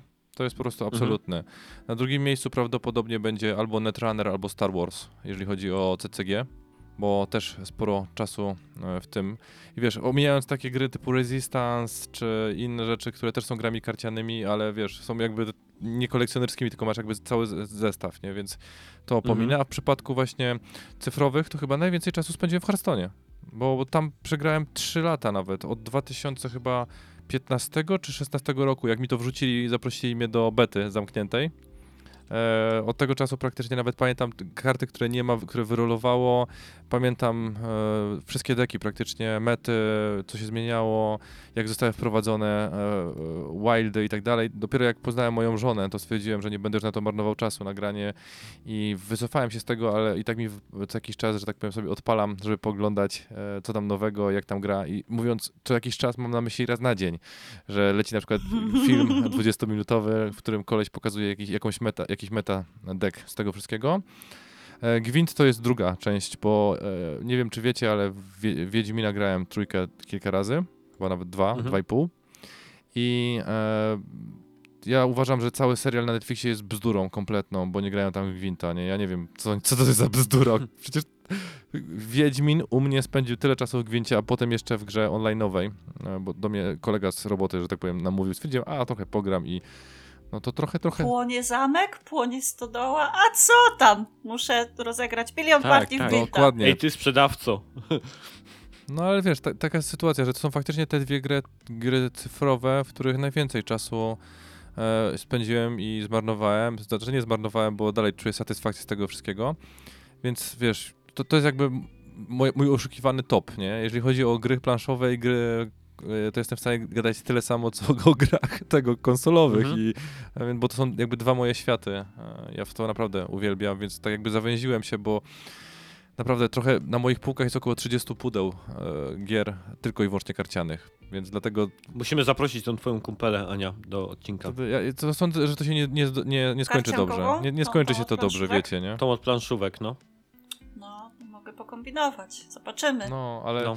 Naprawdę, wiecie, gry, ja, jeszcze mogę rozróżnić na LCG, CCG i tak dalej, więc to trochę... Ona gada nie- więcej niż Bartek, to, to ona będzie, wiesz, prowadziła odcinek. To może nie? niech oni sami sobie pogadają. Dobrze, a z tych takich, e, bym powiedział, tradingowych e, top 3? Mm, U mnie? E, No. Ja nie, ja, Hearthstone na pierwszym miejscu, tak? tak, znaczy w sensie cyfrowe, tradingowe, nie? No. Znaczy w, w Hearthstone nie ma tradingu, zauważ tego. Ty nie możesz wymienić karty, możesz kupić booster pack, w sensie kupić, kupić po prostu parki, nie? Za walutę wewnętrzną lub za korony zewnętrzne, czyli za złotówki, albo za norweskie korony, ale nie może, to nie jest w ogóle trading game, nie? E, Ma- Magic w przypadku fizycznym jest trading game'em, ale w przypadku areny nie jest, nie? Więc wiesz, to jest dalej ta, taka dość ciekawa sytuacja, żeby poprawić e, w tym kontekście, nie? Nomenklaturę. A czemu Hearthstone na pierwszym miejscu? U mnie? Bo Ania mówiła, że o Magicu, że jest niski próg wejścia Eee, i łatwo się go nauczyć. Szczerze, najbardziej to jest mniej więcej tak, że w przypadku Magica są tylko niektóre talie, które mi leżą. Tak ładnie to mówiąc. Czyli wiesz, ja jestem w stanie grać czarnymi, białymi, e, czerwonymi bez żadnego problemu. Jestem, Rasista. tak, jestem w stanie łączyć to. Znaczy, zielonymi najmniej mi w sumie pasują, nie wiem czemu. Jestem w stanie No, łączyć. widzisz, ja grałam ten mój główny deck dawno, dawno temu był czarno-zielony. Teraz z kolei gram zielono-białym na zbieranie jak największej liczby punktów życia. Mhm. W sensie okupuję się bardzo, zbieram tyle żyćka, ile się da i potem dopiero jak zbustuję sobie gdzieś tam klerykami karty, to, to wtedy wbijam na przykład po 30-40 damage'a z jednej karty, nie? Mhm. No ale wiesz, i to też pokazuje, że na przykład jak zacząłem grać w Hearthstone'a, to się okazało, że jestem w stanie grać każdą praktycznie talią, bo każdy styl grania w jakim coś znajdę dla siebie, znajdę jakieś rozwiązanie, więc Mhm. takich jakby wiesz, a w związku z tym, że jak już wszedłem w to praktycznie po kilku tam tygodniach grania, nie? bo to nie było, że dzień w dzień i tak dalej, to nawet jak pojawiały się zmiany mety, to community było na tyle fajne, że wiesz, ja się nie czułem zagubiony. Wiedziałem, co się dzieje, wiedziałem, co zmienić, wiedziałem, co ogarnąć. Jest ten żart, że wiesz, możesz próbować budować swoje deki, a i tak wejdziesz na deck buildery i zobaczysz na tę listę, e, które zbudować i tak dalej. Więc wiesz, przez kilka Mhm. lat czułem się po prostu jak u siebie w domu, nie? Że fajnie było, dochodziłem w rankingach nawet do poziomu chyba czwartego. Wiem, że to było lamienie dla większości osób, które grają w Hearthstone, ale udawało mi się e, bardzo wysoko, jak dla mnie, dochodzić bez żadnego problemu w tym wszystkim. Areny też mi się udawało wygrywać, więc wiesz, to, prawda, na, nawet raz miałem, dobra, nie udało mi się areny wygrać. 11 zwycięstw to jest chyba nie, nie wygranie jeszcze areny, e, czy tam i- 10? Dobra, nie będę teraz, że tak powiem, konfabulował Mhm. w tym zakresie, ale chodzi o to, że wiesz, że naprawdę ta gra była dla mnie bardzo przyjemna. E, Nie, nie pakowałem w nie gigantycznej ilości kasy, nawet wjechałem praktycznie na darmowych update'ach, potem jak weszły te mm, daily i tak dalej, to byłem w stanie spokojnie się utrzymywać, wiesz, nowe deki i tak dalej. Ta gra nie dawała mi Mhm. takiego poczucia niesprawiedliwości, bo na przykład jak dostawałem karty, to nie było tak nic o nic zowąd, że 40 ten bez rerów, czy tam bez legend i bez cokolwiek innego, tylko nic o nic zowąd, wiesz, legenda, druga legenda, o kurde, i mam to, co faktycznie potrzebuję pod kątem stylu. Jak mi coś nie pasuje, to wiesz, wypierda, mm, e, wypierniczam, dostaję za to pył i buduję sobie deck taki, który chcę, bo wiem czego szukać, nie? Mhm. Dodatkowo było to, że stymulacja taka dodatkowych jakichś tam, wiesz, zagadki, pojawiły się e, ten, nie tunele, tylko mines. Mm, Kopalnie? Kopalnie, no, jestem na Śląsku, zapomniałem jak się grubo mówi po polsku. E, kopalnie i tak dalej, wiesz, takie przygody dodatkowe e, ze śmieszną fabułą i to, to było z takim dystansem wszystko, nie takie pompatyczne, bo jednak Magic jest bardzo taki pompatyczny, bardzo poważny, nie?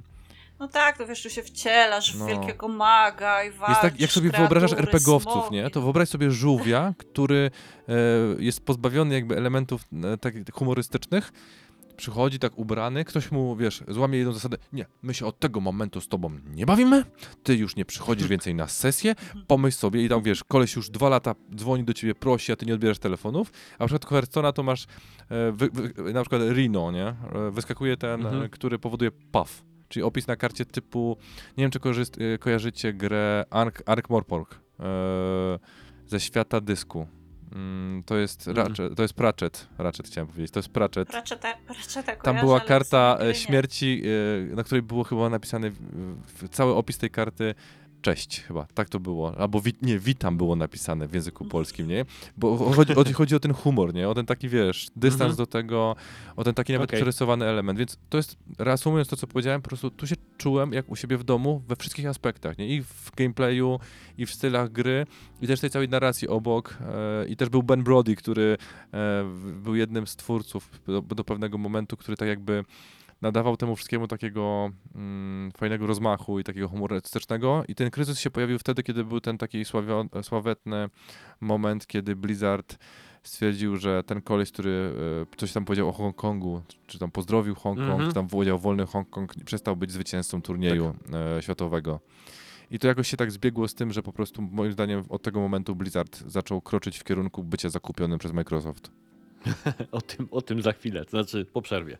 Um, I widzisz, Więc, jestem w stanie a- więcej powiedzieć o Hearthstone'ie, jestem w stanie więcej powiedzieć o tych wszystkich Tak. grach. Tutaj nawet teraz wykonam obrót. chciałem powiedzieć, że już mamy godzinę odcinka, nie? W ogóle. Przygotowałem nawet Netrunnera jako, bo mam, nawet jest, w- jest tych, w sleevesach, nie? Czyli w rękawach, wszystko opakowane, żeby dało się grać i nie niszczyły się karty, żeby pokazać, wiesz, jak, jak faktycznie gry, które cię przyjmują do siebie e, w odpowiedni sposób traktuje. Jeżeli gra ma na mnie wywalone, to ja mam na nią też wywalone i pozdro 600. No, a job well done, dzięki za pytanko i przy okazji dzięki, że mi przypomniałeś, że e, mam Slay the Spire do ogrania e, na półce. Mm, Dużo dobrego o tym słyszałem e, i może gdzieś tam też Ja się ci mogę przypominać o dużej ilości gier, które masz na półce i nie ograłeś. Przechodząc dalej. E, ja mam jeszcze jeden tytuł e, w agendzie na ten odcinek. A to ty E, nie powiedziałeś, Tomasz, chyba o swoich karciankach. no bo ja tak naprawdę to z tych takich, które ogrywałem, to jedynie Yugi. Znaczy, on grał najbardziej jas, rasistowską grę, jasny gwint. Chyba, że właśnie zaliczyć do tego Gwinta w Wiedźminie, e, zaliczyć do tego na przykład e, tego, karciankę w ostatnim Shovel Knightie w dodatku. E, tam, była dodat- e, tam była karcianka. Jak ty hakujesz E, to pytanie po prostu, to jest tak pro Zajebista. po prostu. Ta, ta karcianka w Shovel Knightie była zajebista. Jesteś jak Ania tańcząca zajebi- na grobach poległych. Zajebista karcianka była jeszcze w finalu ósemce. Też była zajebista. prawda. Tra- To ten triple Tomek, triad Tomek e, czekaj, w czekaj. ósemce E, bre- breaking news. Słuchaj, czy mógłbyś zrobić, e, powiedzieć o czym grałeś, bo mam takie przeczucie, że Microsoft może kupić w, e, Warner Brothers. No, o, spokojnie, dojdziemy do tego tematu, Bartek, po przerwie. Dobra, ej, bo mamy już dużo odcinka, ja chciałem jeszcze powiedzieć o Middle Earthie Shadow of Mordor. Ja zacząłem to sobie gdzieś tam ostatnio ogrywać po, e, po nielicznych, po licznych gdzieś tam materiałach e, level designowców i analityków gdzieś tam game designu związanych z tym, z tym systemem Nemesisowym, to w końcu chciałem sprawdzić, e, czym to się tam je i, i w ogóle. Um, no i co mogę powiedzieć w pierwszej kolejności o tym tytule? E, podoba mi się on fabularnie i to, jak jest zrobiony od kątem e, takiego, bym powiedział, nie wiem, producenckim. Widać, że to jest generalnie Warner Brothers robi tą grę. E, to jest ich IP. E, I zarówno głosy są tam świetnie podobierane, jest bardzo fajna fabuła. E, Talion podoba mi się jako gdzieś tam postać.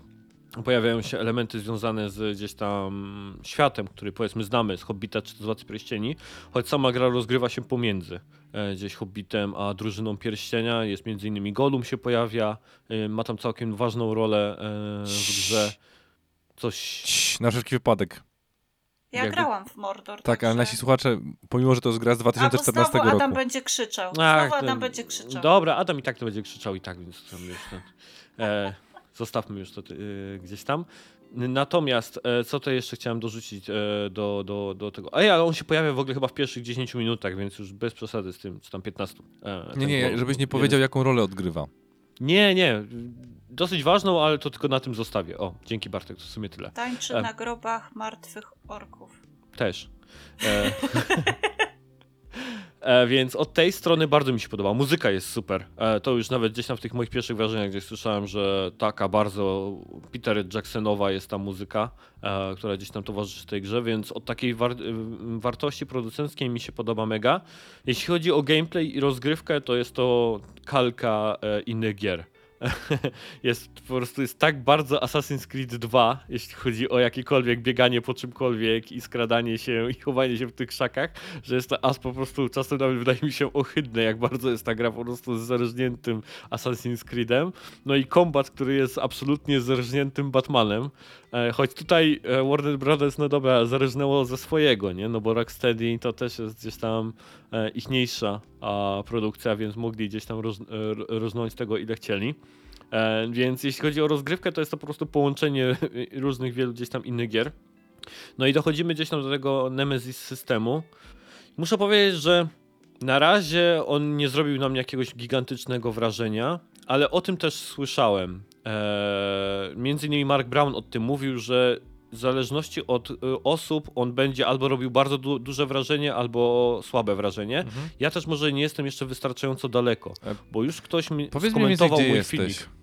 E, ja, y, Bartek, ja na, teraz chyba dopiero mam pierwszy quest, kiedy mam zabić jednego z tych Warlords, o tak? Boże, Oni się nazywają? no to faktycznie. Dobra, Parę godzin, i- tak? i- a to druga, jest? 3-4 drugie pytanie, godziny? ile razy zginąłeś? Mało.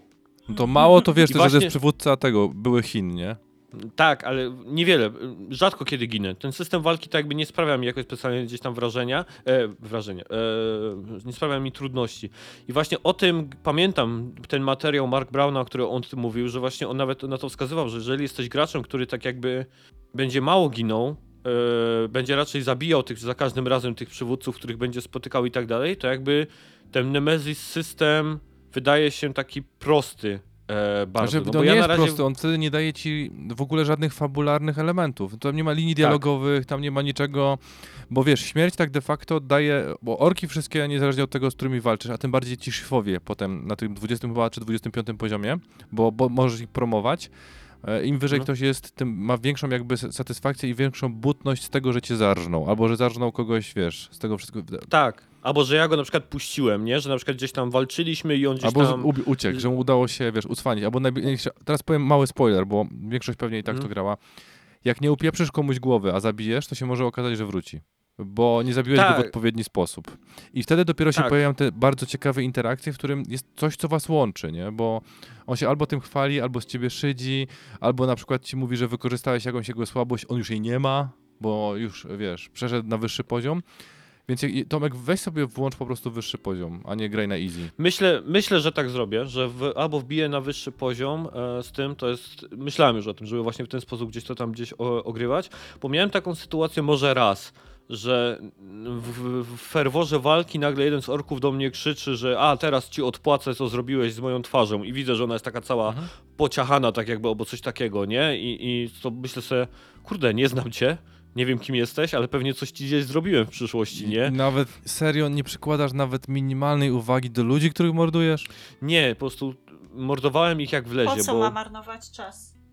Kombat jest e, bardzo mm, przyjemny i te brutalne, te finishery są tak zajebiste, że strasznie mi się podobają. E, e, ty, jak można gdzieś tam tych orków brutalnie mordować, więc to jest e, stra, stra, strasznie przyjemnie to się ogląda e, e, również, więc ja pamiętam dos- doskonale to, że w takim wypadku to Nemesis System może się wydawać gdzieś tam po prostu taki bardzo prosty i, i jednolity. Um, I myślę właśnie, że albo zwiększę sobie poziom trudności, albo poczekam po prostu, aż on się stanie bardzo ciekawy gdzieś później, bo ktoś już skomentował mój filmik na YouTubie, że tam później będzie można i szpiegów gdzieś tam e, tworzyć, Powiem- czy jakieś tam dalej. D- Dopowiem ci jedną rzecz. Jak wydaje ci się, że skończyłeś grę, to się zacznie dopiero gra. E, Właśnie. Dzięki, że mi Dlatego, o, że o tym powiedziałeś, bo jak patrzę na mapę i na te questy i tak dalej, i nie, tym, nie, nie, mam- chcę ci psuć, nie chcę ci No. psuć roboty, w sensie powiem ci tak, że system Nemesis y, i wszystkie dodatkowe rzeczy, które możesz zrobić w grze, dopiero się e, od pewnego momentu okażą, że e, w sumie masz więcej możliwości, większy fan.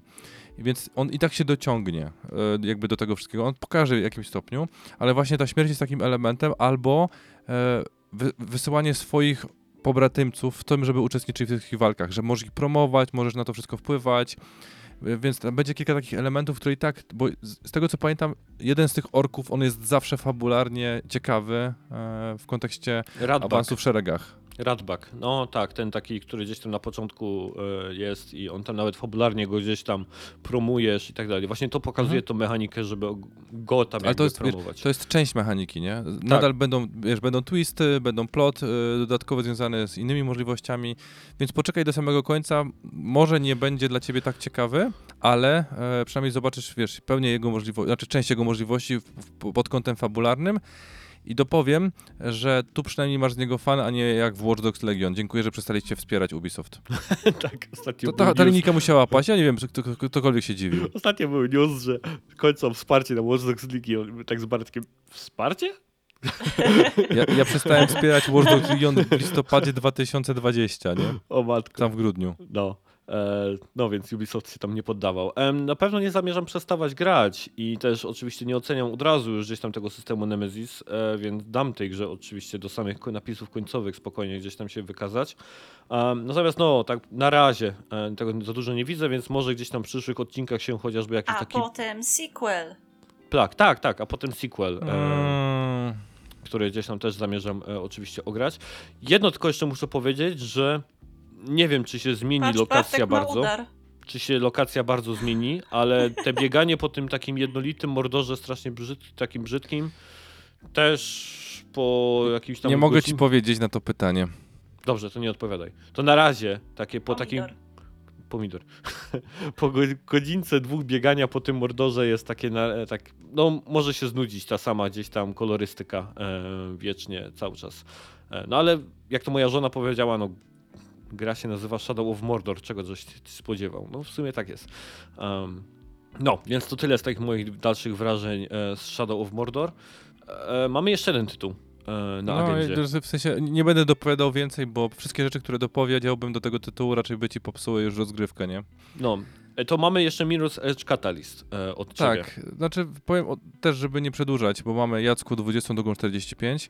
E, to jest still funny for me, więc będę to kontynuował. Ogólnie rzecz biorąc, sięgnąłem po ten tytuł po pierwsze z dwóch powodów. Odrzuciło mnie demo w 2014 czy 2015 roku, jak to wyszło. I tam był wtedy ten EA Pass na 30 dni, Mhm. więc wszyscy, chciałem po prostu zobaczyć i ta gra wydawała mi się jakaś niefajna. Szczególnie, że byłem bardzo dużym fanem e, gry z 2008 roku, Mirror's Edge, bez żadnego dodatku tytularnego. Która A grą, go blisko premiery, czy jakoś później? Które? Ten pierwszy Mirror's Edge. E, blisko premiery? Bo ja ogrywałem go bardzo późno i nie zrobił na mnie wrażenia. Ja ogrywałem go bardzo blisko premiery w 2000 właśnie chyba 7 czy 8 roku, teraz nie pamiętam dokładnie kiedy, na PC-cie, dlatego Mhm. że byłem wtedy tylko posiadaczem PC-ta. I ja byłem nim zafascynowany. Byłem zafascynowany narracją, prostymi kascenka, znaczy kascenkami, tymi takimi animowanymi animacjami, masło maślane, e, które budowały dość prostą fabułę. Tą takim, wiesz, przyjemnością z biegu, taką trochę surrealistyczną, dlatego że Faith mogła skoczyć z dziesiątego piętra, zrobić kotrmelec, czyli wiesz, e, fikołka. I tada, nic jej się nie stało, ale rok później grałem w Asasyna, który z 30 piętra skoczył do ściana, od, odrobił też nie ma żadnego problemu. Ja spadłem e, ze schodów i złamałem nogę, nie? Więc to jest, ludzie, no bądźmy realistyczni do jakiegoś stopnia. Te schody miały 3 stopnie, a ja tu chciałem zrobić na mordę leap of faith, I nie? dlatego gry mają pegi, bo potem taki Bartek skacze z 30 piętra ze schodów i tak się A kończy. pan Kleks miał piegi i co w związku z tym? Więc wiesz, to Parkour! Jak Par- w The Office, parkour! Parkour! parkour. Nie, ale wiesz, w tamtej właśnie, dlaczego nawiązuję do tamtego tytułu? Wyobraziłem sobie Bartka. Wyobraziłem sobie Bartka jak tak po tych schodach. Parkour! Tak. Jak się nazywają dwie kury, tak? Parkour, tak? Czy tam O, o, jest super, Tak. brawo. E, d- mam drugą też, to, to kiedyś mi w sumie mój ojciec powiedział ten dowcip, że e, w, są różne sztuki walki, nie? Na przykład e, te, ci e, i- w Izraelu, Mossad chyba wymyślił Krav Magę, ci mają Kung Fu, e, bra- to ktoś inny ma brazylijskie jiu-jitsu, a Francuzi i służby specjalne mają parkour, nie? Czyli jak wiadomo, pitać z miejsca walki i nie walczyć w ogóle, nie? Tak jest. Ale aczkolwiek są dwa fajne filmy, które mi się strasznie podobały z aspektem właśnie parkurowym. Jednego w sumie teraz nie pamiętam, drugi... Yamakasi. Ale, właśnie, Ja- Yamakasi, a drugi był chyba Z Wi- Dzielnica z Wi- 13. Z Whittakerem? E, To był ten film? Słucham?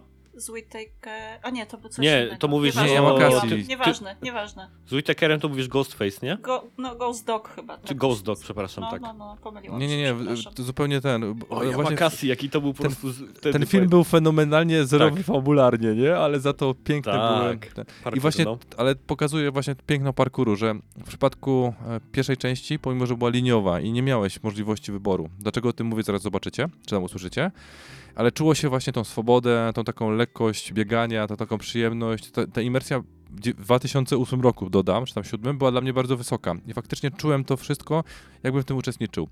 I e, sięgając po ten kolejny tytuł właśnie, czyli e, Mirror's Edge, gdzie praktycznie w jedynce mi bardzo dużo rzeczy leżało, nawet z muzyką, efekty dźwiękowe, e, fakt, że nie musiałem walczyć dużo, bo ta, to nie chodzi o walkę, tu chodziło bardziej o, wiesz, o przyjemność biegania. Okazało się, że dostałem tytuł, który jest wybrakowany. Dosłownie, wybrakowany. EA zrobiło coś, co robili wszyscy w latach 2000-2014 praktycznie. Nie mam pomysłu na liniówkę, wpierdzielmy to w open world, nie? I to samo jest tutaj, że jest otwarty świat w, w Kataliście. Teoretycznie masz tą przyjemność z biegania, ale czujesz, że tak jakby na samym początku brakuje ci kompetencji. Tak jakby wiesz, znowu mamy budowanie do, jakichś możliwości, umiejętności czy czegoś, żeby poruszało się lepiej. W przypadku jedynki, jakby ta swoboda biegu, to bieganie i ta przyjemność była od samego początku, a tutaj się czuję, żeby coś, wiesz, niedopasowanego, że coś nie, ten, jakby na, trochę na, na siłę. Nie mieli pomysłu, chcieli zrobić w sumie tak 10-godzinną grę, ale dorzućmy open world, wtedy zrobić z tego 20-22 godziny. No i wiesz, t- t- na takim poziomie rozgrywki zastanawiasz się, kurde, ale po co? Przecież jedynka już była dobra, nie? Właśnie mi się, e, znaczy ja pamiętam jedynkę, że to nie był otwarty świat, tylko to były tak nie jakby to były trasy. liniowe etapy, To były których trasy, nie? Które Tak. były, czasem miałeś kilka możliwości do wyboru, jak coś przeskoczyć, czy pod czymś, czy nad czymś, Mhm. ale to jednak były takie liniowe, nie? Takie trasy, Tak, nie? i zawsze miałeś ten taki czerwony kolor, który pokazywał ci, która jest ta trasa No. preferowana. Potem miałeś takie e, wyścigi e, na samym końcu, że mogłeś się spełnić, sprawdzić z innymi osobami, ale i tam już miałeś większą swobodę, bo się okazywało, że można było to troszeczkę pohakować niż ten taki, jak pamiętasz oryginalnie. Tak. No i wiesz, i to, to było taka, bym powiedział, radocha ze swobody i prostoty. W sensie, że nie było to mega skomplikowane, ale było to coś takiego fajnego. I naprawdę mi ten tytuł mega wtedy zapadł w pamięć. Mhm. Catalyst mega z tej pamięci chciał uciec szybko. W 2014 roku, jak po to sięgnąłem po miesiącu. Teraz przyszła taka okazja, że stwierdziłem, patrzę, promocja. A wrócę do tego tytułu.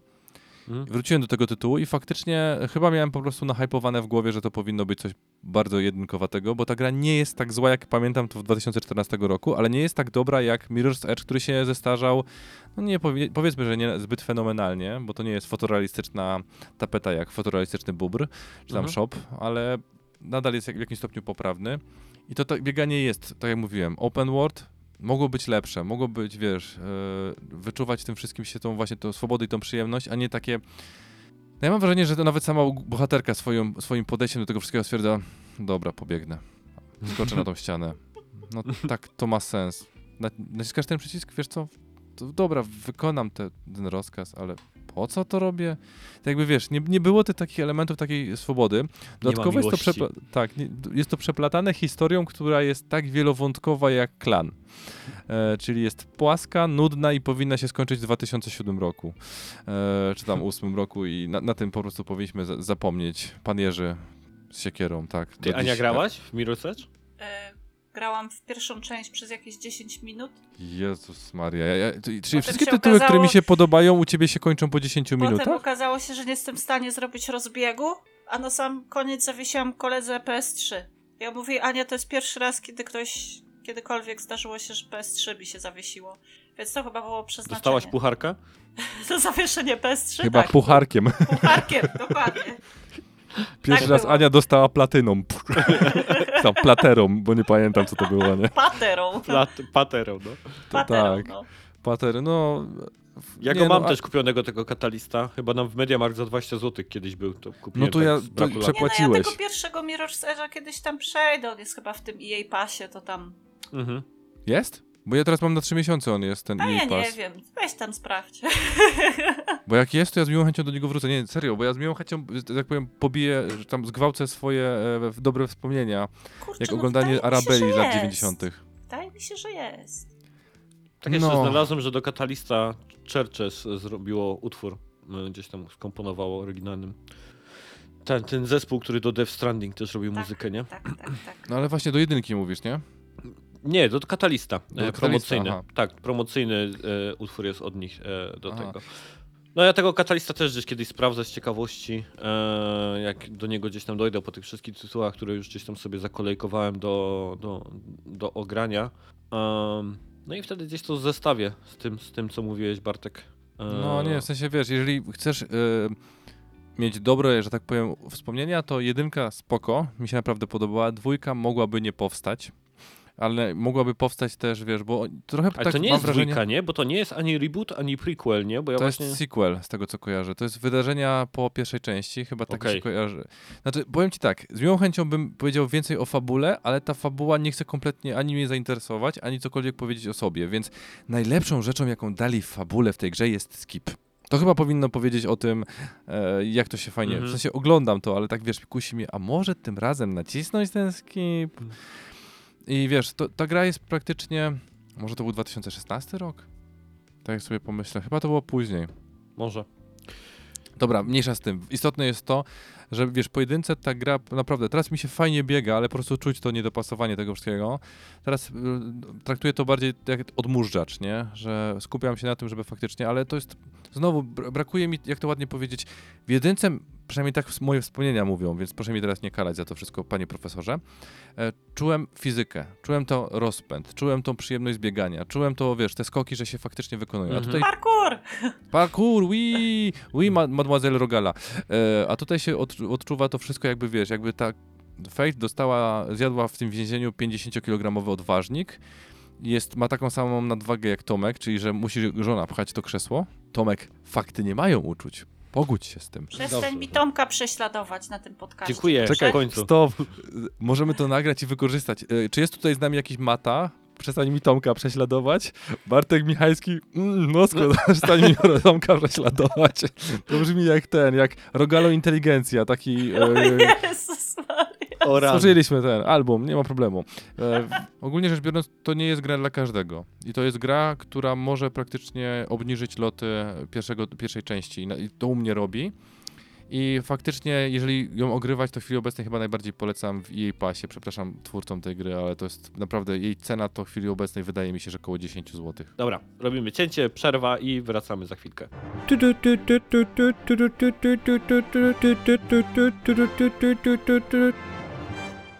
No to jesteśmy po króciutkiej przerwie. Co tam się działo w tej przerwie? E, w sumie, tak? Ja nic nie wbiłem ciekawego. Parę gdzieś tam rundek e, questów w tym Shadow of Mordor. E, e, Ania, ty już jesteś esportową legendą? Y, Nie, ale zabijam ludzi po cichu. A, zabijasz ludzi po cichu. To też fajne zajęcie. Też Gram to okej. w Hitmana drugiego. Uuu, proszę, proszę. E, na rozgrzewkę po, po, po A tym mnie nie zapytasz? Nie, to tak, to, przepraszam.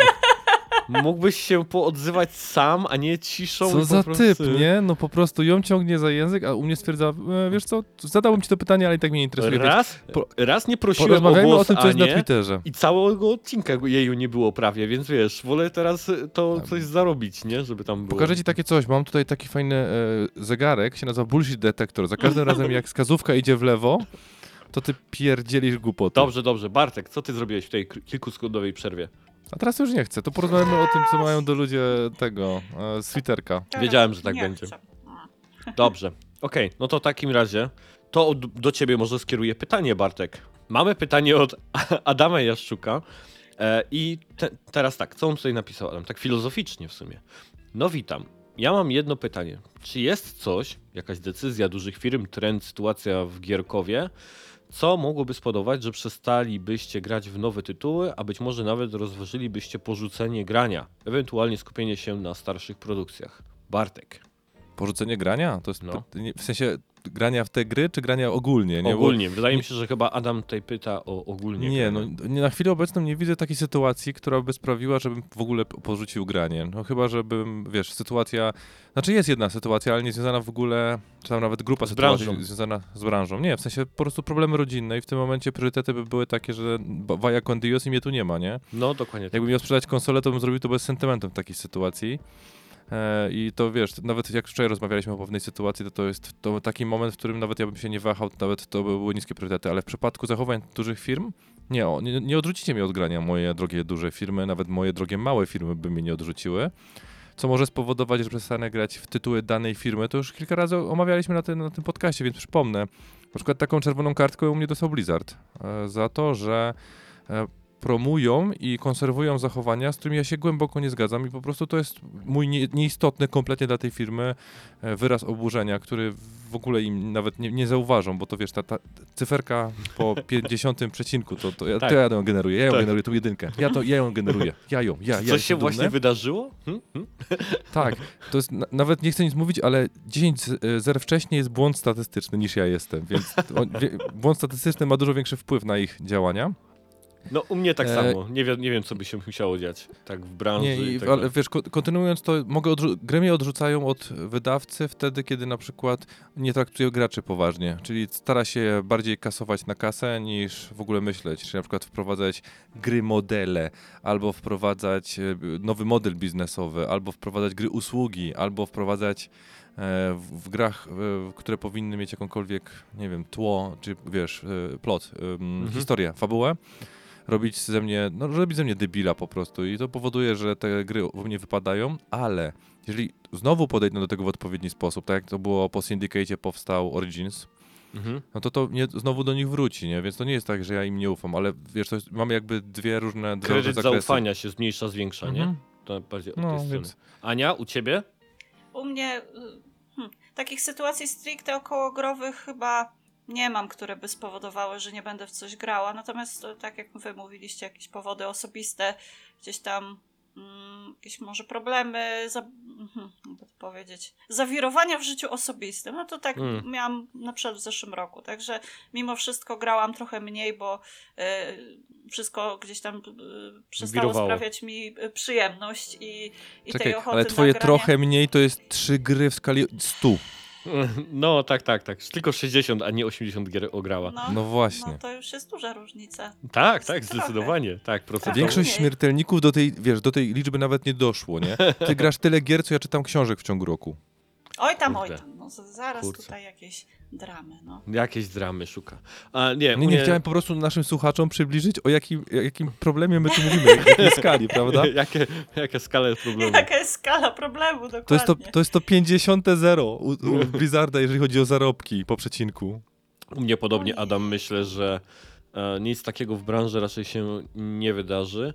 Choć może, jeżeli cała branża przejdzie w usługi typu Netflix, e, to może wtedy... A, Nawet, przepraszam, że ci wchodzę w słowo, No. nawet ta sytuacja z Blizzardem zeszłoroczna, ja i tak nie gram w ich gry, więc no, pozostało bez konkretnego, znaczy bez żadnego wpływu na, na moje doznania gamingowe. Po prostu nie gram w, z założenia w ich gry i tyle. no. Więc tak jak ja, jak sobie tak właśnie gdzieś tam już o tym myślałem wcześniej, że mam tyle gier na, na, na półeczkach i na stare konsole i tak dalej, że nawet jakby teraz gry przestały być wydawane, albo właśnie wszystko przeszło w te takie plany subskryb subskrybenc- subskrybenckie, których nie, nie lubię, to po prostu miałbym okazję, żeby choć może gdzieś platynę wbić albo zagrać drugi raz w coś, więc e, może ewentualnie wtedy. Ale Adam, bardzo dziękuję za, za pytanko na rozgrzewkę. E, I lecimy. E, lecimy z tematem e, największym, jeśli chodzi o nasze newsy. Ktoś tam nawet prosił nas, czy moglibyśmy nagrać materiał taki na żywo, e, czy tam na żywo, na, na gorąco, kiedy się tak jakby to wydarzyło. E, Mowa oczywiście o zakupie Activision Blizzard przez e, Microsoft. Jedno z takich bym powiedział najbardziej, nie chcę powiedzieć najważniejszych, ale na pewno najgłośniejszych wydarzeń, przynajmniej o których ja kojarzę, jeśli chodzi o branżę gamingową. E, nie pamiętam kiedy ostatnio jakieś wydarzenie taką skalę jakby gdzieś tam miało, więc zdecydowanie e, warto gdzieś tam o tym pogadać e, chwilkę. Ja sobie tę naszą rozmowę tak trochę rozplanowałem na takie cztery gdzieś tam jakby punkciki. W pierwszej kolejności trochę, no dobra, co się w ogóle jakby gdzieś tam zadziało. Więc tak, e, 18 stycznia połowie dnia otrzymujemy informację potwierdzoną, że Microsoft stał się właścicielem Activision Blizzard za kwotę bliską 70 miliardów dolarów. I to jest dosyć w sumie ważne, że trzeba powiedzieć, że to było 68 miliardów dolarów, bo też usłyszałem gdzieś takie, ta, takie stwierdzenie, że zaokrąglanie tego do 70 jest tak trochę nad wyraz. Zaokrąglanie 68 miliardów do 70 jest... Po, poprawmy też jeszcze drugą rzecz. No. Nie został, tylko zostanie. Zostanie, tak, to, to jest jeszcze Tak, w to, trakcie. to wydarzy się w 2024 roku po zamknięciu roku fis- fiskalnego. Te To jest dość istotna rzecz. przejęcia po prostu trwają dość długo. Już nie będę wypowiadała a propos innej firmy Tak. e, polskiej, ale no generalnie to trwa. Wszystkie Tak. te fuzje i tak dalej. Orlen? Więc, e, pomidor. Dobrze. E, to największe tego rodzaju wydarzenie w historii gier, a może i rozrywki ogólnie. Cena ta przekracza wszystkie łączne e, e, konsolidacje i wciągnięcia w 2021 roku. Czyli wszystko, cokolwiek się działo w 2021, wszelkie e, finansowe jakieś tam rzeczy, które robił Tencent, które robił Embracer Group i tak dalej, i zarówno Bethesda kupiona przez Microsoft, to ta kwota, którą tutaj się w tym dealu jakby, o której mówimy, to przekracza. E, przekracza także, to jest ciekawostka, e, kwota przekracza o 40% tak naprawdę wartość rynkową Activision na giełdzie. Czyli Microsoft bardzo przepłacił e, dużo po to po prostu, żeby dobić e, e, ten deal. E, informacja o tym, że Bobby Kotick zostaje w fotelu prezesa e, minimum do czasu finalizacji zakupu. To jest kolejny taki news z tego, co się wydarzyło. E, Microsoft ogłasza, że Game Pass przekroczył 25 mili- milionów kont i zamierza wrzucić na niego jak najwięcej gier od Activision. Akcje Sony spadają kolejnego dnia na giełdzie w Tokio o 7%, tracąc tym samym 20 miliardów na wartości. E, So, Sony, I tutaj warto informacja, że Sony jest e, znacznie bardziej zależny od PlayStation niż gdzieś tam Microsoft od Xboxa. E, dział PlayStation to jest 1 trzecia całego przychodu tak naprawdę dla Sony. Kolejna informacja. Phil rozpoczyna swoje tournée e, pierdolenia o ekskluzywach i umiłowania społecznego graczy, zbierania gier od innych, wsk- wskrzeszania zapomnianych marek i inne bzdury, które przeciętny twitterowiec łyka.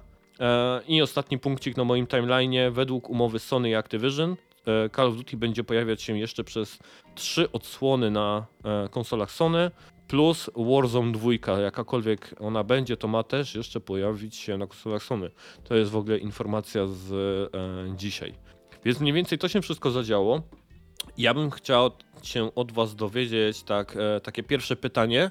Jaka była wasza reakcja po otrzymaniu tej informacji e, od Activision o tym przejęciu ogólnie się zbiorą i co pojawiło się gdzieś tam w waszych e, głowach? Może nie wiem, Bartek, e, wiem, że ty od Znaczy, ja razu mogę do mnie pisałeś. po- Po tych rzeczach najpierw przelecę, kilku, Mhm. bo warto sprostować, znaczy na- naprostować. Pierwsza rzecz jest taka, że dlaczego przepłacili o 40%? Prawdopodobnie, o ile dobrze rozumiem, mamy tutaj e, po prostu Activision Blizzard jest spółką akcyjną, prawda? Mhm. Czyli w momencie, w którym oni przepłacili taką kwotę, zarząd nie mógł się nie zgodzić, bo inaczej działałby na szkodę spółki. Czyli automatycznie mogliby wy, wy, wy, ktoś na przykład przejąć to taniej. Czyli Tak. oni po prostu musieli się zgodzić, żeby sami nie stracić na wartości i żeby sami nie zostać pozwani, bo w tym momencie po prostu zostaliby pociągnięci do odpowiedzialności na bazie kontraktów, które zostały zdefiniowane w ramach tej firmy. Druga rzecz. Bobby Kotyk zostaje w fotelu. No, musi zostać w fotelu, bo Microsoft jeszcze nie ma wpływu na to, kto tam rządzi, bo to nie jest ich własność, więc co oni się będą wpierdzielać? Nie mają na to... w- Przecież ta, ta, ta informacja była tak śmieszna dla mnie. Bobby Kotyk zostaje... Tak, podobnie jak papież. Dopóki nie podbijecie Watykanu, to nie mamy wpływu na to, kto jest obsadzony, no, ale nikt nie podbija umarł. Chyba, żeby, chyba, że umarł. Nie, No, no, ale nie wiesz, podpowiadaj ale- ludziom. Nie, nie, nie, pod to, ale, Ale, nie. ale media gamingowe od razu się spodziewały, że on zniknie drugiego dnia, Bartek. Nie? Ale no, na, weźmy, na, ja wiem, co ci ludzie myślą. Najprawdopodobniej sami, e, to nie było ich zdanie, tylko ktoś im podsunął. Trzecia rzecz jest taka, że pozostałe aspekty, e, numer cztery, mnie bardzo rozbawił, bo to by znaczyło, że Microsoft właśnie odrobił 20 miliardów, skoro sprzedał wszystkie akcje Sony, które posiadał i e, dzięki temu cena ich spadła o 7%. Nie taki żarcik, bo tak, tak, tak na serio nie jest. Nie, to jest po prostu naturalna reakcja na rynku, tak, że ten ale pierwszy, pierwszy ten, to takie westchnienie, czyli Mhm. wiesz, ten taki pierwszy łyk e, powietrza, to jest ten taki afektywny, emocjonalny, powoduje, że ludzie faktycznie zaczynają reagować bardzo, wiesz, tak tragicznie, że po Jezu, dom 48 mi godzinach znowu poszło 5% w górę. Tak, z tego Tak, się musiało, bo ludzie zaczęli myśleć, że No. hmm, kupili Bethesdę dwa lata temu. Pamiętacie te wszystkie ekskluzywy, które wyszły od nich na Mhm. Microsoft, ile obecne, które są dostępne na Game Passie? Nikt nie pamięta jeszcze, bo je ma. Więc teraz zapłacili Będą 30... w tym roku. Już obiecane będą w tym roku. Będę to ja milionerem w końcu, jak na, będzie hiperinflacja w tym kraju. I z, z na automatu nawet pewno. miliard będę. Tak, to na pewno. No. E, więc drugi aspekt jest taki, że ten pierwszy, teraz wrócę do tego twojego pytania.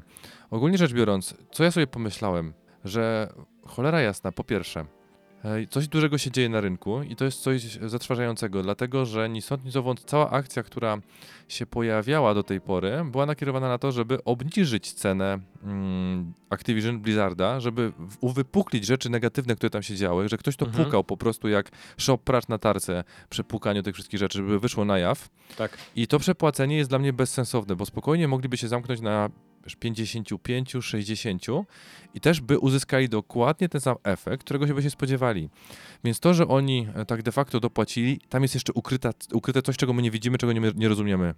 Microsoft nie jest, nikt by nie zgodził się u góry w Microsoftie, nie mówię w sekcji Xboxa, nie Mhm. klepnąłby tego, gdyby nie wiedział, że coś pod spodem wartościowego jest. Oni weszli bardziej niż, to nie był bank, oni weszli dużo wyżej niż zyskują na chwilę obecną, więc tam coś jest ciekawego, co my dopiero zobaczymy.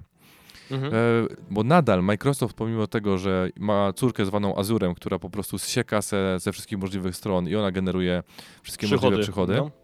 to tak wiąże się z tym wszystkim, e, że oni nie, przepła- nie, nie wiesz, nie wywalają kasy w błoto. To jest wszystko jest uzasadnione.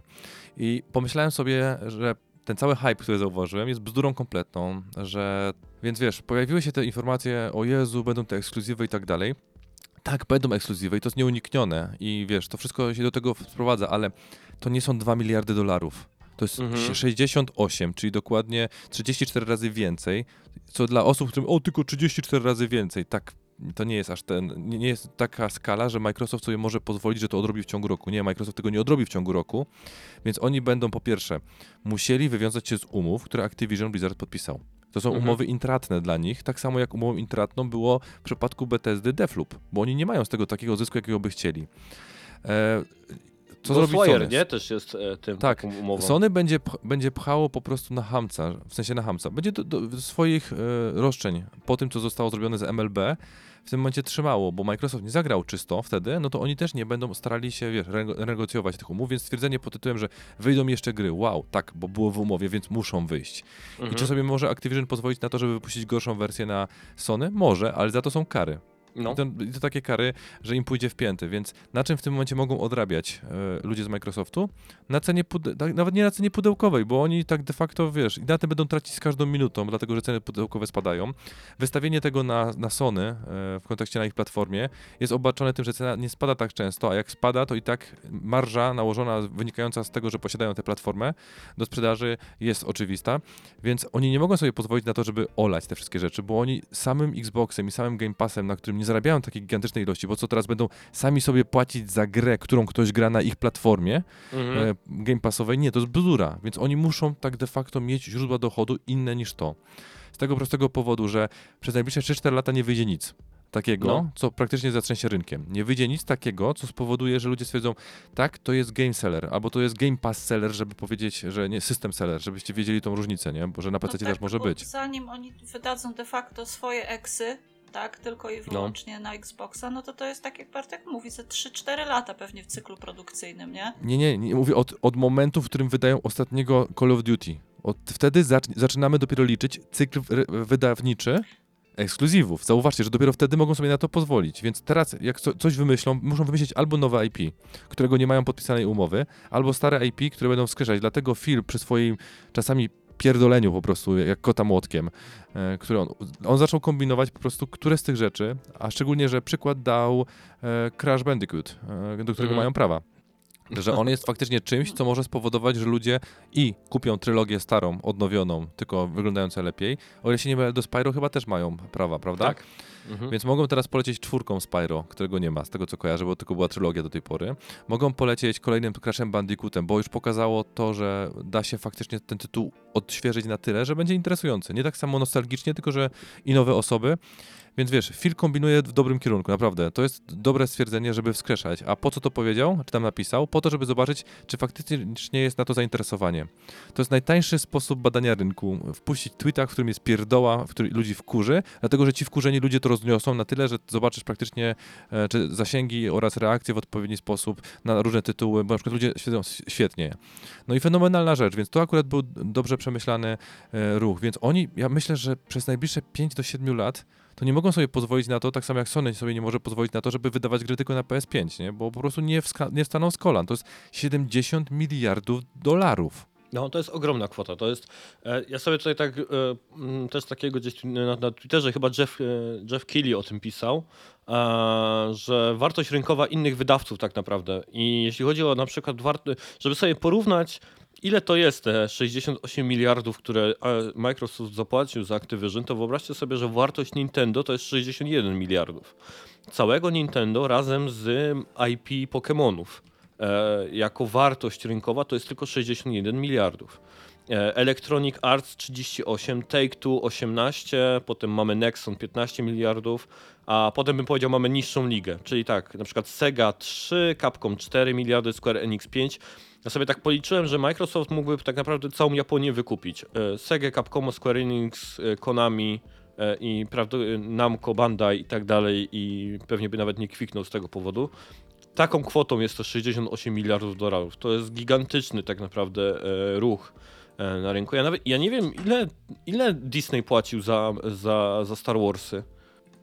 albo za, za, za Marvela, ale to nie pamiętam jakie tam kwoty latały wtedy. Ja jeszcze mam jedną kwotę. To jest 3966 razy, co pewien facet przepieprzył na wybory kopertowe, które się nie odbyły, jakby ktoś potrzebował Kalkulator? Sosina odpaliłeś? Tak, dokładnie. Wszedłem na kalkulator, żeby zobaczyć i przeliczyłem to sobie na, według dzisiejszego kursu, że to jest sie- 68, e, ten, 70 milionów to jest 17 145 e, milionów USD, nie? Więc No. potem prosta kalkulacja na miliardy i jesteśmy, bo dalej to jest, nie, to nie jest 6 zer, to jest 9 zer, żebyście wiedzieli. To są takie, e, to są giga złotówki, czy tam giga USD, nie? Więc Amerykańskie 4 biliony to jest ile na nasze? E, to są miliardy, 4 miliardy. To by było tylko tyle? Aż mi się nie wydaje. A co Nie, się w stało? sensie LucasArts był strasznie zadłużony wtedy, więc wiesz, oni e, praktycznie, jeżeli o tym mówisz, tak samo jak, ludzi, jak, jak e, Disney przejmował Marvela, to Marvel był koło okrężnicy, żeby nie powiedzieć w dupie, nie? E, I nale- wykorzystał po prostu odpowiedni moment, kiedy było zdampowanie i tak samo, wiesz, Microsoft uważam, tak że... samo zrobił w pewien sposób z Activision, nie? Activision też nie jest teraz y, w mega zajebistej sytuacji. Jeszcze jakiś czas temu, pamiętam, gadaliśmy chyba o tym, czy Overwatch wyjdzie i Diablo w 2022 i też mówiliśmy, że raczej nie. Teraz już wiemy, że raczej na pewno nie wyjdzie. E, ale Ania, jeszcze do ciebie te pytanko, bo ja wiem, że ty gdzieś tak jakby... Jeśli dobrze rozumiem, to ty tak średnio jakby cię jarają te newsy gdzieś tam takie branżowo-biznesowe. E, ale jak ty odebrałaś ten news o zakupie tego Activision? Ja, mi się od razu przypomniał ten mem, który wszyscy zawsze rzucają, że o, Sony osrane, nie? To mniej więcej, mniej więcej takie było podsumowanie moich gdzieś tam myśli, jak przeczytałam tego newsa. I to co, co jest Bartek? Ja wiem, Bartek się tu tak merytorycznie Nie, wypowiedział. ja widziałem ten, ja widziałem tego samego mema, tylko napisane, że całe Sony kupiło Xboxa sobie z Game Passem. I no, Bartek to tak ładnie merytorycznie się wypowiedział, ja niestety nie będę w stanie dorównać, e, ale e, no gdzieś tam pierwsze moje takie myśli były, co teraz zrobi Sony, jak bardzo Sony jest teraz w pupsku, e, że tak Mhm. powiem, z, i czy może Nintendo nie mogłoby Polski kupić. No, Nintendo tak powinno sobie przedstawicielstwo kupować założyć tak w ogóle w naprawdę. Polsce. Jakie my mamy IP tutaj u nas, nie? W Polsce tak Same naprawdę. zera. No. Ja mam localhosta, więc 127001, No. jeżeli piszesz IP. Młodzież wszechpolską, o takie mamy IP u nas. No i, Nie no. i wiesz, to masz takie od razu napuszczanie, że y, Xbox lepszy, Mhm. macie, macie tam y, fanboye PlayStation, zobaczcie. To znowu wz- wzbudzanie tej wojenki, nie? Na, na linii zieloni niebiescy. Znowu się awantura w internecie zrobiła, udowadnianie, jedni drugim udowadniali, kto, kto jest lepszy. Y, No i co się dziecinada znowu zaczęła, nie? Na sieci. Dokładnie tak. I ja muszę powiedzieć, że jak to. E, u mnie z mojej perspektywy to wyglądało tak, że siedzę sobie na spotkaniu. I nagle mi Discord tutaj coś e, powiadomienia wyrzuca i Bartek do mnie naparza. Tomek, Tomek, świat się kończy, a ty na spotkaniu jesteś, Tomek. A to masz, przepraszam, muszę opuścić to spotkanie, tak, tak. dzieją się ważne rzeczy. Szan, szanowny kliencie, e, ja Nie, muszę, muszę Ja, ja spierdalać. znałem sobie bekę, bo miałem wrażenie, że po prostu, że Tomek w tym momencie nie, że będzie e, załamany, tylko wkurzony, że to pójdzie w kierunku tym, jak Tomek reaguje, kiedy kolejna rzecz na przykład trafia do Netflixa, czy kolejna rzecz trafia do jakichś planów subskrypcyjnych, które... No, Albo jak przychodzi żona od Tomka i mówi, że kupiła fajne NFT w necie. Dokładnie taka sama reakcja, nie? No e, tak, ja w ten dzień wyłączyłem z, e, Twittera e, i muszę szczerze powiedzieć, że cholernie trudno jest się wylogować z aplikacji mobilnej. Szukałem tego wylogu i strasznie dużo. Nie, kasujesz aplikację. on, jest, on jest gdzieś tam ukryty w ustawieniach, te wyloguj się z Twittera. Głównie z tego powodu właśnie, o, których, o którym ty Ania mówisz, bo jak ja to przeczytałem, to pomyślałem sobie, okej, dobra, duży ruch, jeśli chodzi o, o biznesowe te wszystkie aspekty i zacząłem sobie czytać właśnie, co się dzieje e, w sieci na ten temat. I totalnie mnie e, rozłożyło, znaczy no nie, nie chodzi, że głupota, ale taka naiwność ludzka i taka dzieciniada, która jakby się z tego gdzieś tam wyrosła i oczywiście ja tutaj w tej rozmowie jestem na przegranej pozycji, bo każdy mi może zarzucić to, że jestem fanboyem Sony i nie mam się jak nawet ob obronić, e, tak szczerze, szczerze Jesteś mówiąc. Więc, Pelikanem, pelikanem Sony. tak, pelikanem Sony dokładnie, więc Czyli Sony Pelisonem. Sony Pony i tak dalej, więc wszystko, wszystko pasuje do mnie tak naprawdę.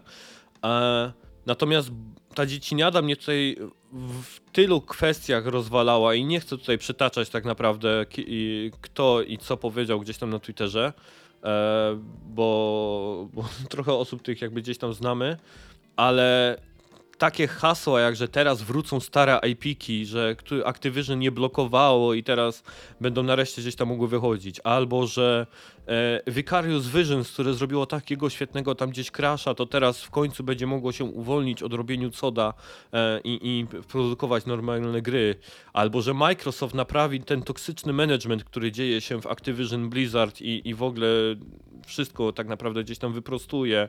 No i te E, groźby od razu, że albo naprawią, albo nie będziemy grać w nic, nie? Od... No, albo że nareszcie będą mogły powstawać związki zawodowe w Activision. To też czytałem gdzieś tam na e, ten. Co? No, Bartek, ty się śmiejesz, ale jak ja przeczytałem o tym, że Microsoft, e, jako Microsoft, pozwoli na to, żeby w tej organizacji się związki zawodowe zawiązywały. Zresztą to jest w ogóle śmieszna akcja, bo nie wiem, czy tam czytaliście te newsy o tych, z, jak Respawn, tych 36 6 QA-ów próbowało związek zawodowy e, założyć, to ju, już, ju, już nie, nie chcą założyć. E, już są, zostali rozproszeni e, przez, przez firmę po różnych działach i miejscach i tak dalej. E, to, co, co w sumie też jest śmieszne. Natomiast już te, te ich zapędy zostały gdzieś tam w zalążku ściągnięte. A to jest ciekawostka, dlaczego na przykład te, te, te, te zapędy do związków zawodowych zostały zamknięte. To jest coś, co znowu usłyszałem na, od tam Richarda Hoga z Hoglow. W klauzuli przejęcia Activision Microsoft zastrzegł sobie coś takiego, że Activision nie może do czasów zamknięcia dealu, czyli tak jak mówicie, to są te dwa lata, zrobić nic, co jawnie obniżyłoby e, wartość e, Activision na giełdzie. Tak. Natomiast, natomiast Czekaj, e, daj, związk, daj mi chwilę, daj mi chwilę. no, natomiast Czy oni sobie związk, zastrzegli coś, nad czym nikt nie ma kontroli? Tak. E, że nie może żadnych jawnych działań e, zarząd Activision e, wykazać, tak jakby, które doprowadzałyby do tego, że wartość Activision generalnie na rynku będzie spadać. Powołanie związków zawodowych niestety to, to takie rzeczy powoduje, a więc nie ma szans, żeby Activision pozwoliło na jakiekolwiek związki zawodowe w swoich gdzieś tam czterech ścianach. Microsoft zresztą na związki zawodowe nie pozwala u siebie i, nie wiem czemu miałoby nagle pozwolić w Activision, żeby się takie działy w ogóle. E, teraz tak, odnośnie tych starych IP, które mają wrócić, bo Activision nie blokowało. Ja nie wiem, jak sobie ludzie wyobrażają, że takie organizacje działają, że mają IP, że generalnie wszystkie tak jakby metryki i statystyki im mówią, że na tym by się dało zarabiać, że ludzie tego chcą i oni tak świadomie mówią nie, nie będziemy zarabiać na tym, nie będziemy ich robić i tak dalej. świadomie wszyscy trzymają te marki w szafie i nie damy. Nie Tak. będziecie grali w. Dokładnie tak. I mi się wydaje, że tak ludzie my kombinują, nie? Że siedzi sobie właśnie gdzieś zarząd i myśli sobie, nie no, zarobilibyśmy na tym, ludzie, gracze chcą i kupowaliby to w milionach, ale nie. Jednak niech siedzą dalej w szafie. E, I, I teraz, jak Microsoft kupił te wszystkie IP-ki, to oczywiście w glorii i chwale będą robić te gry, które nikt nie chce grać. E, IP-ków jest dużo w ogóle, jakie Microsoft teraz e, ma. Ja mogę je wyczytać. Blur, Caesar, Call of Duty, Candy Crush, Crash Bandicoot, Diablo, DJ Hero, Empire Earth, Gabriel, Knight, Geometry Wars, Guitar Hero, Gun, Hearthstone, e, Heroes of the Storm, Hexen, Interstellar 76, King's Quest, e, Laura Bow Mysteries, The Lost Vikings, Overwatch, Phantasmagoria, Pitfall, Police Quest, Prototype, Quest of Glory, Singularity, Skylander, Soldier of Fortune, Space Quest, Spyro, StarCraft, Tenchu, Tenchu, Time Shift, Tony Hawk Pro Skater, True Crime, World of Warcraft, Zork. E, więc tych IP-ków trochę jest. E, większość z nich nikt nie czeka i nie kupowałby tych gier poza tymi takimi, które tam się przeważnie się zawsze gdzieś tam sprzedają. Więc nie, więc to jest absurdalny jakby tam w ogóle zarzut, że te IP-ki stare będą wracać, w które nikt nie chce gdzieś tam grać, a, a paru, parę osób wykrzykuje. Tak samo to, że Vicarious Visions będzie teraz mogło robić swoje nowe gry. Te wszystkie studia, które w pocie czoła pracują nad tym, żeby zasilać Call of Duty Warzone, e, produkować kolejne odsłony Call of Duty, które muszą wychodzić co rok, e, bo tam, tam są chyba te trzy ekipy. Jest Treyarch, Sledgehammer i chyba coś jeszcze, e, co produkuje te, te, te cody e, co roku, żeby gdzieś tam wy, e, wychodziły. E, No i takie, takie małe studia jak Vicarious Visions albo moje studio ulubione, które Transformersów robiło, Big Moon Studios chyba tak się, tak się chyba nazywało, które też zostało w, w, wsiąknięte przez Activision do pracy nad codami, to teraz nagle zacznie produkować swoje gry. jasne, to kto będzie te, w takim razie w pocie czoła uwijał się nad tymi codami, jak oni mają zacząć wszyscy robić gdzieś tam swoje gry, nie? Bethesda. Bethesda będzie, no tak, id będzie robił teraz cody. E, no, więc e, super, nie? To też po prostu myśl genialna tak naprawdę z Twittera. No i ten Microsoft, który nam ma naprawiać ten toksyczny management w Activision. Ja, ja się zastanawiam, kiedy Micro... Znaczy ja wiem, kiedy Microsoft stał się firmą po prostu e, kucykiem pony, który jest e, mega dobrze postrzegany przez ludzi, bo Phil Spencer przez wiele lat tak naprawdę buduje tą otoczkę wokół tej, tej firmy, że jest taka pro, prograczowa i proludzka i tak dalej. E, ja nie wiem, ja sobie przypominam takie rzeczy, jak na przykład Ania, ty pewnie o tych rzeczach zupełnie nie wiesz, ale może Bartek, ty kojarzysz, jak Microsoft e, wygryzł Netscape'a e, i jak załatwił go tak naprawdę gdzieś tam w, w latach e, powstawania.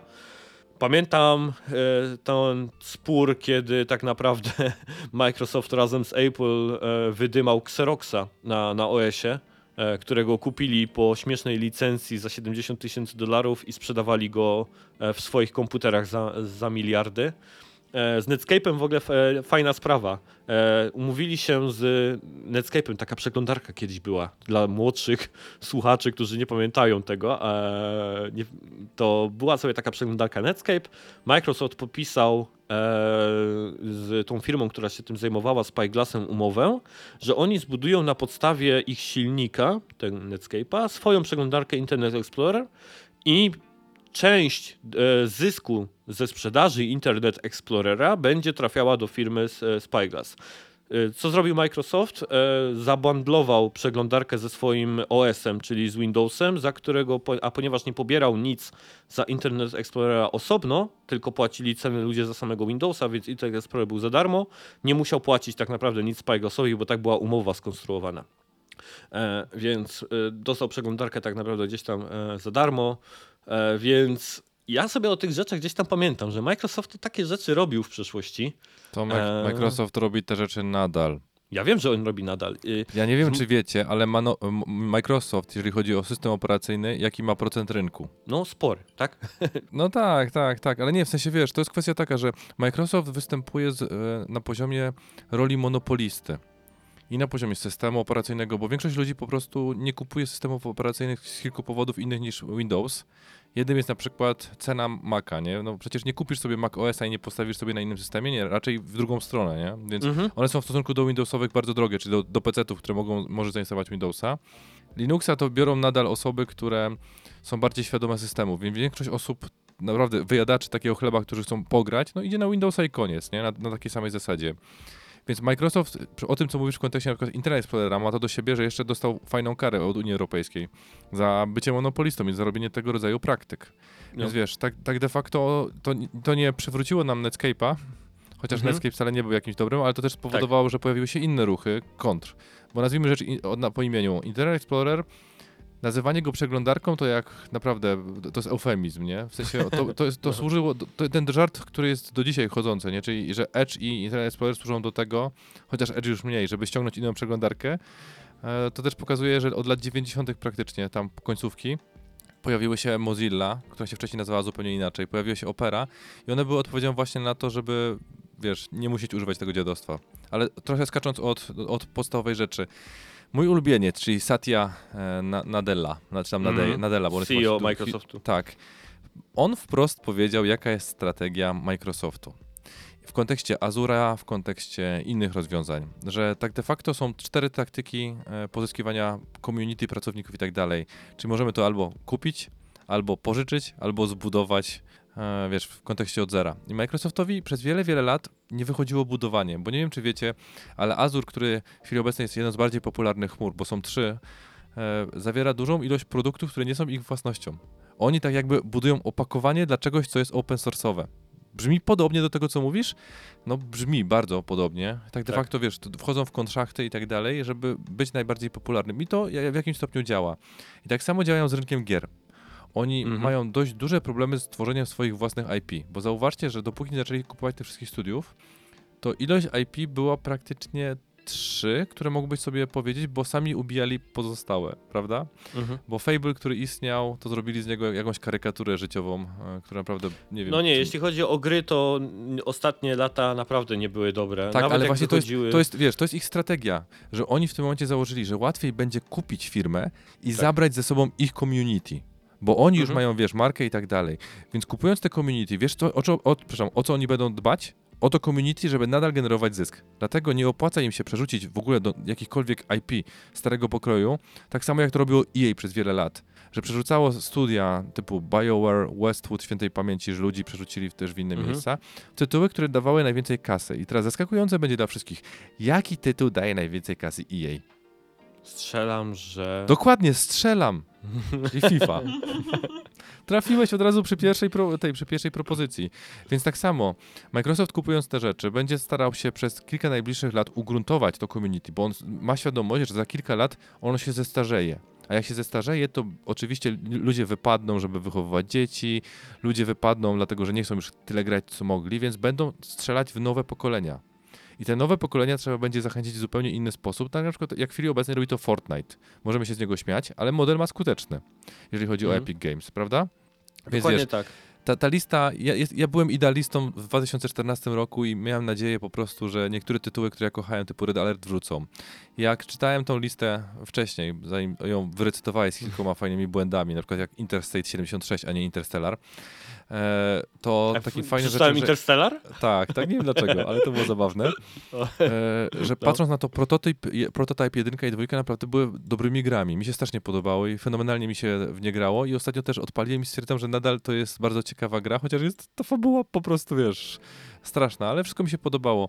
I nie opłaca się tego tytułu właśnie wracać, bo z tego samego powodu, że jeżeli faktycznie po pierwsze ludzie by głosowali portfelem, e, odpowiednia ilość tytułów e, zostałaby zakupiona lub w wersji potem w bundlu czy czymkolwiek innym, to wiesz co by zrobiło Activision? Wydałoby trójkę, bo nie opłacałoby im się tego zabijać. Microsoft kupując te wszystkie tytuły będzie e, na- najprawdopodobniej wskrzeszał te, na których ma tak zwany kupon nostalgia. Bo wie, że wracając coś, czego nie było 10 lat temu, jeszcze może uderzyć do zupełnie innych grup e, z małą modyfikacją. Więc będzie to robił, ale tak de facto znowu wiesz, jeżeli będą mieli badanie rynku i wyjdzie na przykład, że jakieś studio się opłaca, no to to zrobią, bez żadnego wahania. Tylko istotne jest w chwili obecnej to, że to jest troszeczkę tak, że jesteśmy na tym etapie, że Microsoftowi nie opłaciło się kolejne ryzyko, bo już je podjęli. Więc wiesz, dopóki nie wejdą w fazę stabilizacji, że wykres u pana Phila w biurku, tam, czy tam na, nie, na telewizorze powie we are ready, we are safe, czy cokolwiek innego, wiesz, w- że wiesz, to, wejdzie Mhm. powyżej po, poziomu, jemu nie w myśl dużo ryzykować, nie? Więc wiesz, to, to jest dla mnie fenomenalne w ogóle taktyki, które tu zost- zostały zastosowane, aczkolwiek wiesz, idealizm mój został pochowany już e, ze śmiercią Westwood i BioWare przy Anthem. No, no ale bawiły mnie po prostu te komentarze, szczególnie z tym toksycznym managementem, a ja pamiętam narzędzie, które Microsoft próbował nam sprzedać do mierzenia, nie wiem czy ty to Bartek pamiętasz, czasu e, produktywności menadżerów organizacji. E, Czego? Że... no tak, produktywności menadżerów. Właśnie, no i Microsoft miał na, na to taki pomysł i oni to stosują w swojej organizacji, że mierzą tak naprawdę sprawność managementu na podstawie ile godzin w ciągu tygodnia spędza na spotkaniach albo ilości maili, jakie wysyłał w ciągu dnia.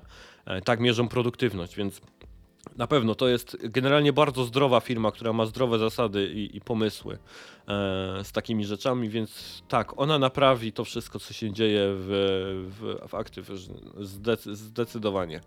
Znaczy, inwestujemy w złego zbawiciela, za przeproszeniem, jeżeli chodzi o emocje, bo to tak, Tak. dokładnie, że przy, przypisujemy łatkę komuś, kto do tej pory kradł, bił, e, tuszował rzeczy, wykorzystywał czyjąś pracę. Przecież zobaczcie sobie ludzie, jak wyglądała relacja pomiędzy Billem Gatesem a Steve'em Jobsem, nie? E, W kontekście tego wszystkiego i jak na tym został wydymany IBM też między innymi. Więc, tak- IBM, a Xerox to już w ogóle został wydymany tak, Tak, naprawdę, więc... e, Ja nie wiem, ale to są historie. Ludzie, ludzie No. czytajcie historię. Przecież to nie jest, wiecie, to, to, to jest tak stwierdzenie pod tytułem, że jak, e, nie wiem, ona poznaje go, patrzą sobie głęboko w oczy, widać ten błysk i ona stwierdzi, że w sumie to głupi kutas, ale ja go zmienię. 30 lat później. Nie, to jest dalej ten sam głupi kutas i nie udało się go zmienić. Nie? To Tak jak właśnie Ludzie nie żyjemy w bajkach.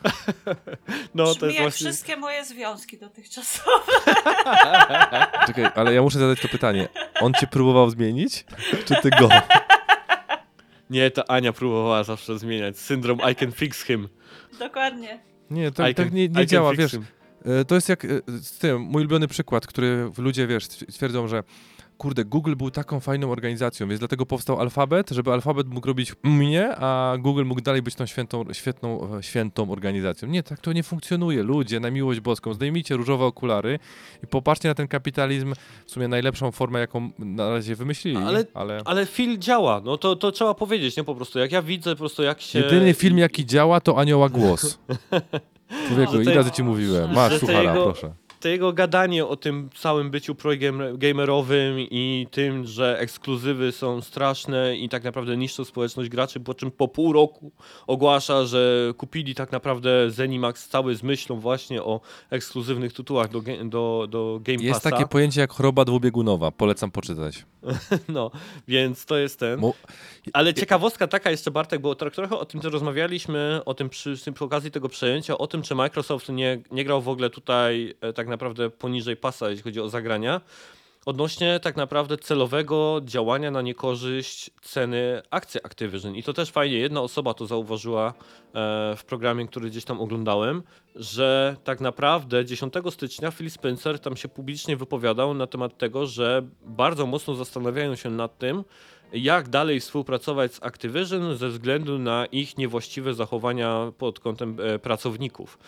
Mówienie czegoś takiego publicznego na pewno nie działa korzystnie na akcje gdzieś tutaj e, Activision, a już stawiam na to, jak to był 10 stycznia, jak oni to kupili tego 18, według mnie on już wtedy był w rozmowach na temat zakupienia, albo przynajmniej planowali zakup Serio, Activision. człowieku, pół roku. Jakie ty, przy takich zakupach, żeby doszła taka umowa, to przecież jest Ktoś powiedział dwa miesiące. Nie, mi się wydaje, dwa że, miesiące.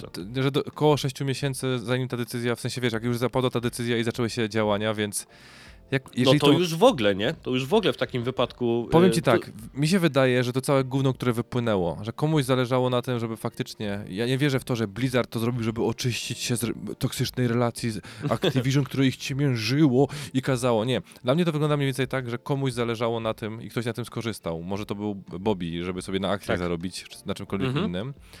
E, Żeby jak najwyżej wypaść, więc wiesz, tak de facto, jeżeli Sony, znaczy, e, wróć, Microsoft działałby na obniżenie akcji, jak już wcześniej powiedziałem, tak, to by było logiczne, jeżeli kupiliby to taniej.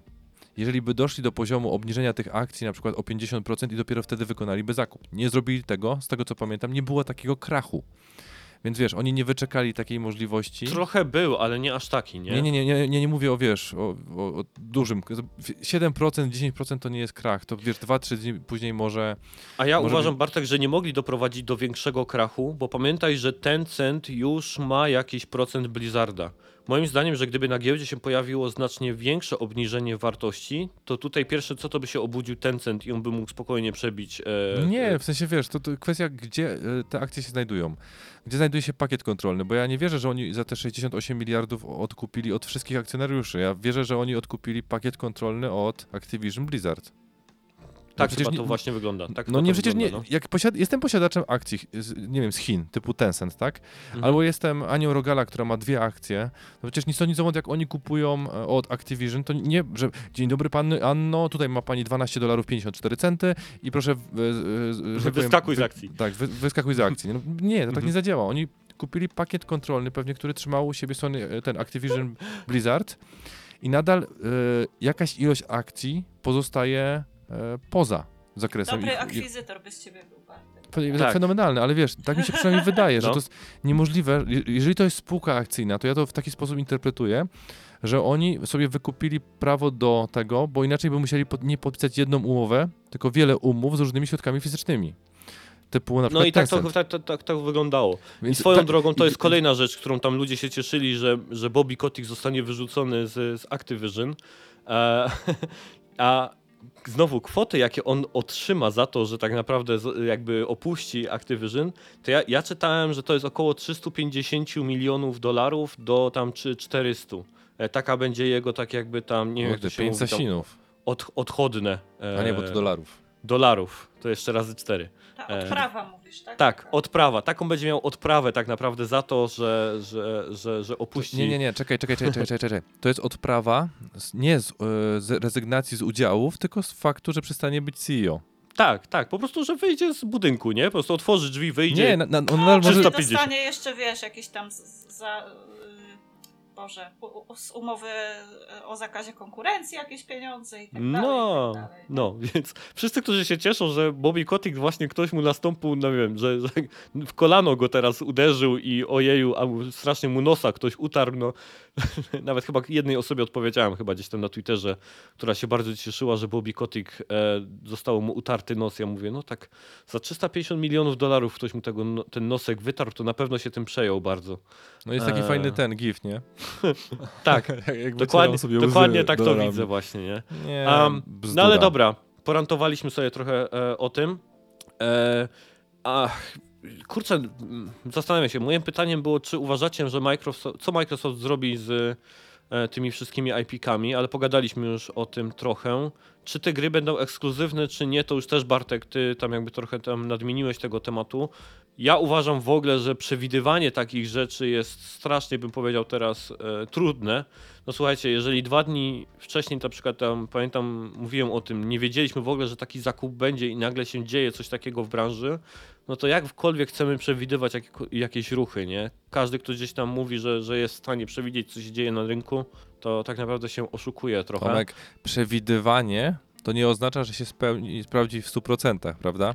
Tak, ale w sieci jest taka nomenklatura, że jak wiesz, gadasz o czymś na przykład i mówisz, że to są moje przewidywania, to potem ludzie cię wytykają, że ha, ha, co ty tam wiesz o branży, Okej, nie? Po to, prostu to nie bo- są nasze przewidywania, to są nasze hipotezy robocze, mówiąc językiem naukowym, jeżeli Państwo potrzebujecie, słuchacze, e, innego stwierdzenia. hipotezy robocze. No nie, bo wiesz, kwestia to jest tak, ja trochę zakładam tak, że ja doceniam Microsoft, doceniam Satye oraz ekipę od wszystkich poza Philem, bo ja mam wrażenie, że Phil to jest taki, e, no, pieniacz, że po prostu wypuszczają go po to.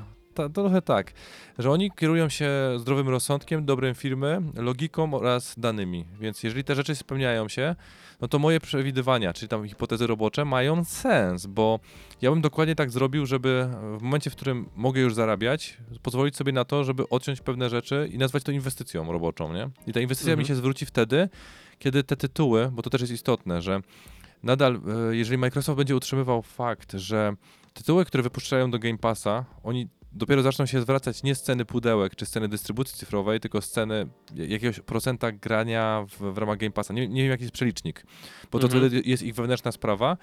No to oni muszą e, doprowadzić do tego stanu, że faktycznie produkcja im się opłaca. A też nie mogą sobie Mhm. na to pozwolić nic stąd, nic żeby obniżyć loty, bo ludzie przestaną w to grać. Ergo, wydaliśmy 70 baniek na IP, które nam się nie zwracają.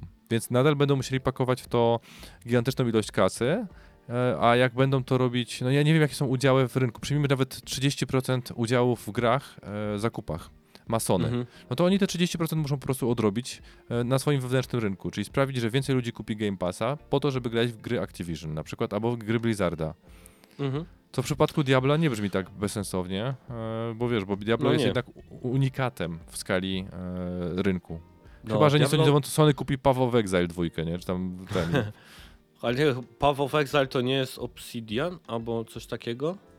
Nie pamiętam e, kto, ale to zresztą e, nieważne. W ogóle Diablo chyba było pokazywane na State of Playach.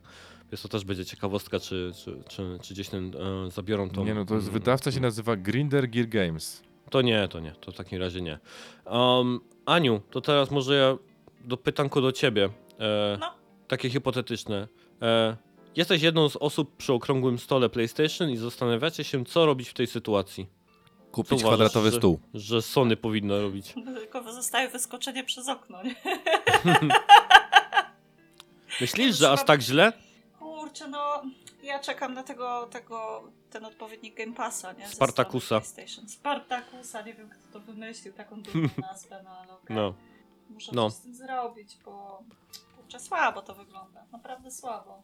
Muszą mieć jakąś taką ofertę, nie? Ja dalej twierdzę, że to nie, że Sony nie może sobie pozwolić na to, żeby tam były gry day one, e, żeby premiery tam się pojawiały dokładnie w tym samym czasie, ale musi to być na pewno atrakcyjne. E, ja bardzo liczę na tą wsteczną kompatybilność, ale taką mega pełną, że będę mógł płyty spółek ściągać po prostu i wkładać sobie do Playa 5 i one będą funkcjonować. E, więc... Ale czekaj, jaki jest format, bo to jest DVD, nie? No tak, no DVD. płyty, To zadziała. Tak, są DVD, na trójce są Blu-ray'a, a w ogóle te takie, nie wiem, audio czy zwykłe CD-ki są przecież na Play 1, nie? Nie, no to nie, po wszystko... prostu nie wiem jaka jest konstrukcja lasera, wiesz, PlayStation 5.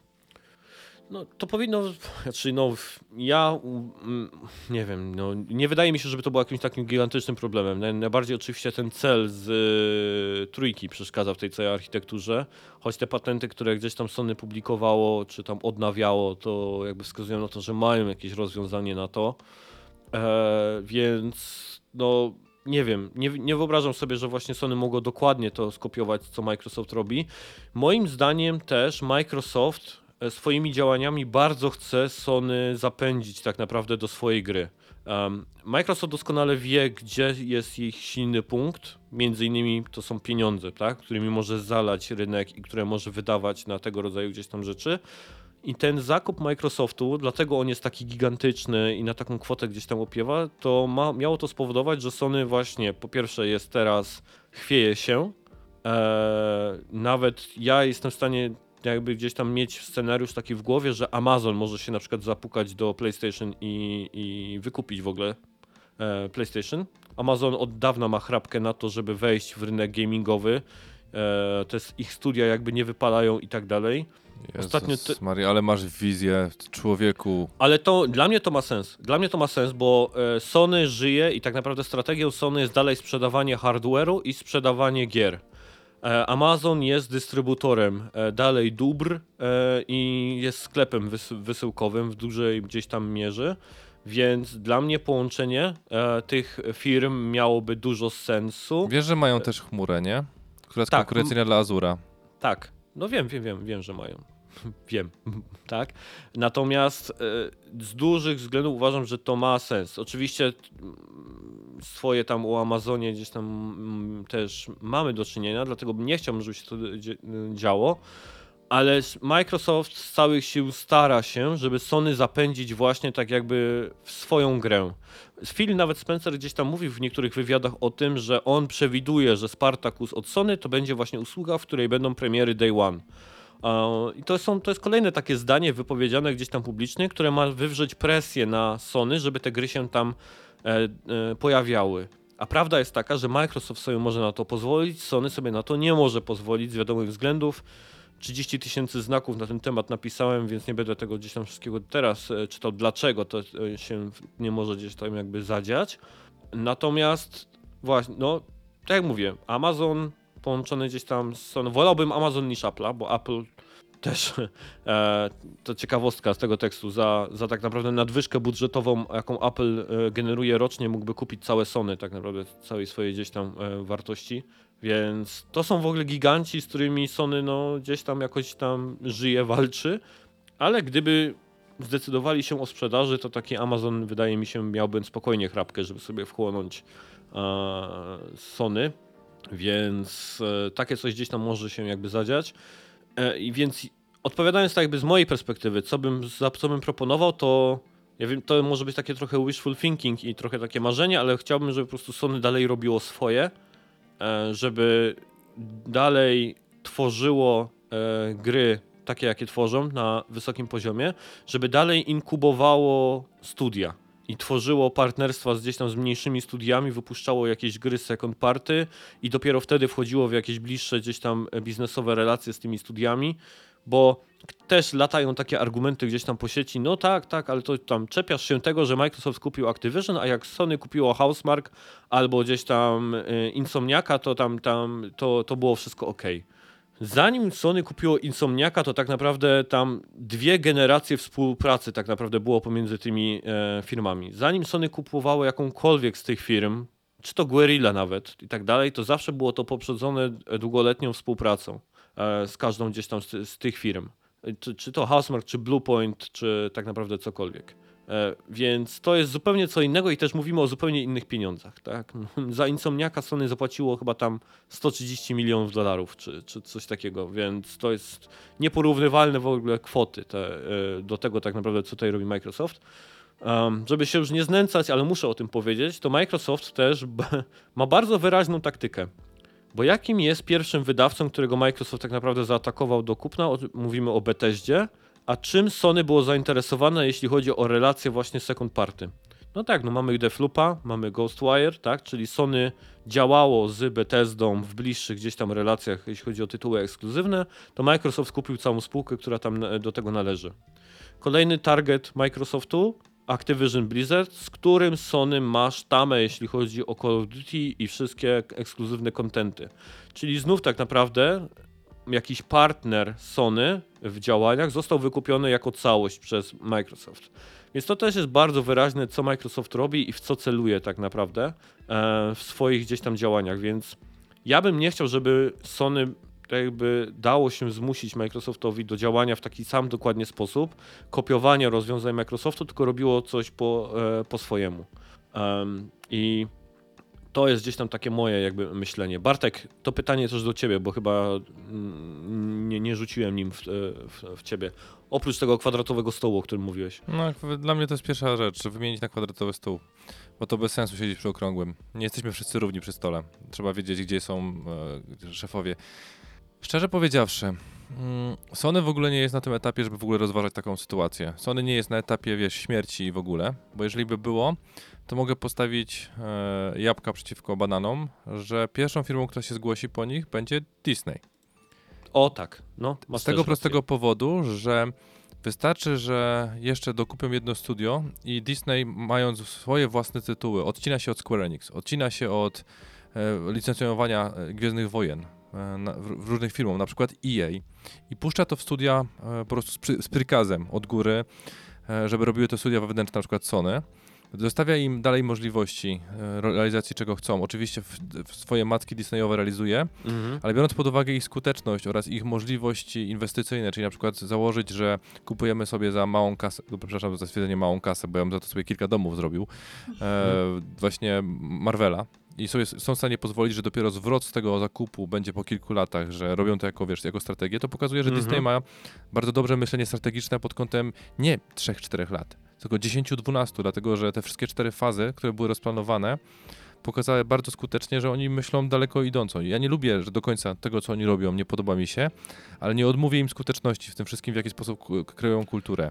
A czy, a czy Disney nie stąpałby wtedy już naprawdę po cienkim lodzie, jeśli chodzi o jakieś e, wtargnięcia, wiesz, żeby em, rząd amerykański i ale tak dalej kto im to zabroni? Przepraszam. Kto im to, to, to, to, to kto? Nie, dosł- dosłownie, kto? Powiedz mi. E, Kto tym wielkim w ogóle zakaże, skoro wystarczy nic od nizowąd, że się okaże, że mają, nie wiem, spółkę na, na wyspach Vanatu czy gdziekolwiek indziej, ta, ta spółka to kupuje, a nie oni, że to nie jest Disney, tylko zmyśliłem w jakimś ultra zarąbistym języku e, bezsensowną nazwę i kto, co im zrobi regulator ze, ze Stanów Zjednoczonych? No mają przecież No, są tam jakieś tam antymonopol, wiesz, antymonopolowe, tak te wszystkie działania. Jeżeli chcesz tak być dalej. białym rycerzem i zrobić to po bożemu, to robisz to w taki sposób. Przypomnę, że są firmy w Polsce, które nie płacą w ogóle jakichkolwiek podatku, dlatego że nic od nicowąd jakaś firma z Luksemburga czy cokolwiek innego wystawia im fakturę na dokładnie tyle, ile zarobili za użycie ich loga. I nic, wiesz, to, to, to, człowieku, to jest kapitalizm zupełnie innego po, poziomu, nie? Mówimy tu o czterech firmach, a dokładnie o pięciu pewnie, bo jeszcze Meta by się w to wszystko mogła, mogło wmieszać, które Mhm. nie grają czysto, które grają w ogóle wy, według innych zasad, według korporacyjnych. Natomiast wiesz, bi- biorąc pod uwagę, Amazon chciałby tworzyć gry, ale Amazon jest, nie ma w ogóle pomysłu, on by zarżnął tą, to nie życzę mu tego, żeby, kupo, żeby Sony w ogóle zostało przednie kupione, bo zarżnęliby to bardzo szybko, nie? Więc to w żadnym stopniu nie ma. Disney jedzie na kulturze. Disney opiera się wokół kultury, więc oni rozumieją, że trzeba pewne rzeczy pielęgnować e, i powoli dziobiąc i powoli zabijając, ale wiesz, to znowu to jest to samo, co zostało zrobione w Gwiezdnych Wojnach, nie? Zmieniło się pokolenie, my możemy sobie psiocić i w ogóle, gdzie pieśki tam latają i tam inne niepełnosprawne takie zwierzątka, czy cokolwiek, co jest zrobione z Gwiezdnymi Wojnami, ale to się sprzedaje, bo to pokazują liczby, więc oni sobie na to mogą wszystko wszystko pozwolić, więc wiesz, rozpatrując, kto by mógł ich kupić i w jakimkolwiek stronę są- to dla mnie są dwie firmy. Apple jest dużo większą, bardziej logiczną firmą do kupienia niż Mhm. Amazon, z tego prostego powodu, że Oni są w stanie zadbać o innowacyjność i dać przestrzeń rynkową do realizacji pewnych rzeczy, dlatego że mają stabilizację na poziomie budowania. No powiedziałeś najbardziej istotną rzecz. Jak upadłoby, jakby ni Sony przestałoby istnieć po ich zakupie, no to oni muszą rok pracować, żeby to odrobić. Nie? Przecież to jest, to jest coś, wiesz, na co sobie Microsoft nie może poz- pozwolić z Bethesdą, nie? I to pokazuje tą, te różnice, wiesz, w kontekście zakupu, więc to jest dla nich inwestycja, którą oni mogą traktować w zupełnie inny sposób, jako inkubator możliwości z ich punktu widzenia, a nie inkubator stabilności. W sensie inkubator, to nie jest wtedy inkubator, tylko to jest po prostu, wiesz, coś, co generuje stabilność. Więc ja bym rozważał te dwa kierunki. Apple A. albo Disney, tak? Tak, a, a nie ma po prostu, wiesz, ja, to- ja to widzę w taki sposób, że jeden to jest po prostu rozszerzanie swojego prymatu pod kątem kultury i możliwości, dlatego że oni do tej pory bardzo ciężko w niektóre miejsca im wejść, a gdzie gry dużo łatwiej wchodzą niż filmy, nie? Bo nie podlegają aż takiej cenzurze i aż takim ograniczeniom. E, więc wiesz, dla mnie to jest jakby naturalny wybór. Mm. Aczkolwiek dalej dla mnie pierwotnym, jakby wiesz, ich kierunkiem rozwoju to jest to, żeby nie zmieniali, żeby nie dali się wprasować w inne rzeczy, bo oni nie konkurują na tym samym rynku. Oni nie konkurują w tej samej skali, tymi samymi pieniędzmi. Oni konkurują czymś, czym Microsoft do tej pory nie potrafi. Unikalnością IP-ków, unikalnością gier, sercem w to wkładanym. Ja wiem, że tam jest też finanse, ale przez chwilę zapomnimy o tym, że Mhm. Sony na tym kasuje pieniążki. Powiedziałem specjalnie pieniążki, chociaż tego zwrotu też nie, nie lubię. Więc wiesz, to jest jeszcze coś, co im daje tę przewagę, coś, czego Microsoft nie zdobędzie przez kilka najbliższych lat w Game Passie, bo oni muszą się Mhm. bardzo postarać, żeby wejść na poziom, który oni generują w chwili obecnej. Więc ma, mając pod uwagę to, że Microsoft nie konkuruje tylko z Sony, ale też z Ubisoftem, ale też z EA, ale też z innymi firmami, które też kradną naszą uwagę, więc oni muszą sprawić, żeby jak najwięcej u nich unikalnych tytułów było na wyłączność, żeby móc w ogóle mówić o tej samej lidze, nie? No, więc znaczy samo to w ogóle, że dyskutujemy, kto mógłby kupić Sony i tak dalej w takiej sytuacji, to już gdzieś Ja tam... bym mógł kupić e, Sony. Nintendo! Tak, tak. Nintendo mogłoby. I wtedy na nie pewno Ty, ale wyobraź sobie, jakby to wyglądało, że ten e, Suski na Kratos pewno by się... może kupić Sony. Przestań. Kratos by się napierdzielał z Marią. Albo z, No. z kurlikami, nie? I byłby Kratos i kurliki. Kolejne Smash Bros, a tam pełno postaci e, z, z, z, PlayStation. E, No. No, to, by, to by było ciekawe. Dobrze, moi drodzy, słuchajcie, mamy godzinę nagrywania. Ja mówiłem, że ten temat No, nam to, to, troszeczkę to zajmie. lecę, cześć. E, tak, więc nie będziemy gadać o tych pomniejszych gdzieś tam newsikach, może zostawimy sobie je na następny gdzieś tam odcinek. To i tak były takie pierdolety e, wrzucone na zapchanie gdzieś tam e, czasu reszty. Nikt do nich nie miał też pytań, więc nie będziemy jakoś specjalnie z tego powodu płakać. Jak zwykle czekamy gdzieś tam na wasze komentarze e, i wszystko, co wy uważacie o tej całej sytuacji, e, jakie jest gdzieś tam wasze zdanie na ten temat. Rzućcie nam je przez czy to formularz kontaktowy na blogu raczej konsolowo, czy też na Twitterze do mnie germanos.pl, e, Ania, Devi Kitsu, Bartek, Bejot Michalski na Twitterze. Czekamy na to. No i co? I Aniu, Bartku, dziękuję wam bardzo za odcinek. Dziękuję. Nie, jakoś to Ja było. znowu przespałam pół odcinka, no Ale w, nagrałaś się coś w tą arenę przynajmniej? Teraz? Pomidor? bardzo dobrze, bardzo dobrze. Nie, Nie wiem, ty, ty wiesz co, jak, jak skończysz w game devie, nie? W sensie e, jako recenzentka, zacznij hodować pomidory, bo to już dzisiaj 10 padło, nie? ja tak już nawet na Discordzie pisałem w sumie jak tak dzisiaj rano, że chyba się Ania wynudzi na tej drugiej części, ale... Znaczy, ale... Nie wynudziłam się, tylko no ja me merytorycznie w tych tematach branżowych niespecjalnie jestem w stanie się wypowiadać, a nie będę się My też nie, ale... tutaj na jakąś alfę i omegę, nie? My też nie, ale wiesz, tak... Ale wiesz, i tak próbujecie, to Ktoś- dobrze. Ktoś tego, ktoś tego słucha, nie? Wiesz, kultywujemy najbardziej prawdziwą zasadę internetu, nie znam się, To się wypowiem, nie? Dokładnie. Ej, nieprawda, tak. ja mam inną zasadę. Ja mam zasadę, wiesz, nauczyłem się do tego odcinka, przygotowałem się z podstaw ekonomii, z różnych rzeczy. Na następny odcinek zapraszamy, posłuchajcie wy wykładu profesora Michalskiego na temat NFT, blockchaina Tak. oraz dlaczego Hyperledger wcale nie jest taki zły. Mhm. Więc to będzie odcinek bardzo techniczny. A tak serio to, wiesz, to jest ta, ta gwiazdka, którą zawsze ja zostawiam sobie przy nazwisku. Ona brzmi, że ja e, kieruję do was pewną, że tak powiem, swoją wiedzę, swoją percepcję, ale w momencie, w którym nic sądzę, wy macie inny pogląd lub na coś macie rację faktycznie, to ja z miłą chęcią się dognę, bo ja mogę się mylić. I to jest kwestia Jak e, najbardziej. dość naturalna, będąca dla mnie człowiekiem. Dlatego ja będę, tak jestem człowiekiem, zaskakujące. Ja dlatego używam słowa hipoteza, a nie teoria, z tego prostego powodu, że to są pewne założenia przy pewnej naszej wiedzy i one wcale nie świadczą, że ktokolwiek z nas, oprócz Ani, bo Ania jest po prostu nieomylna, dlatego mniej mówi, dlatego... Ja się umiem Pomidor? Pomidor, tak, Pomidor. pomidor, pomidor. pomidor. Jej! Dobrze, dobrze. Nawet już mam, mamy już hasło odcinka, żeby nie było, Tak. więc No, Jacku mamy 22.47, a hasło odcinka to pomidor. Tak, Activision, e, Microsoft kupuje pomidory, będzie odcinek. Um, dobrze, e, wam słuchacze e, za dotarcie do tego miejsca również serdecznie dziękujemy. Słyszymy się w kolejnym odcinku. E, szczepcie się, zdrówka, uważajcie na siebie. Na razie, papa. Ta, ta, ta, ta, Ta, ta, ta, ta, ta, ta. Brawo, Ania, brawo. Ta, ta, ta.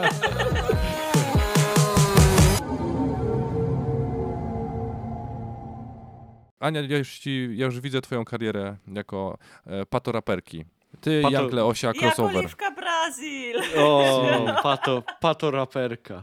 Anna Rogala poskramia brzydala, nie? To tak. O, Jesus. A więc Dobrze. tak, żon, tak twoja żona na to mówi, okej. To właśnie rzuciłaś mi stosownym żartem? Siadło, siadło. O mój Boże, czy to Dobrze. było... Tomasz? Ona mnie molestowała najprawdopodobniej, chociaż jeszcze nie zdecydowałem. To jest dobry jestem- moment na zrobienie przerwy, moi drodzy. Ma... Ja myślę, że ja idę pod prysznic zmyć z siebie ciężar tego wzroku, którego nie widzę, bo ona nie ma włączonej kamery, ale to jest przesad. Anno, jak śmiałaś. Dobra, ja i to tak wytnę 5 minut już temu. Dobra. Sorry. No.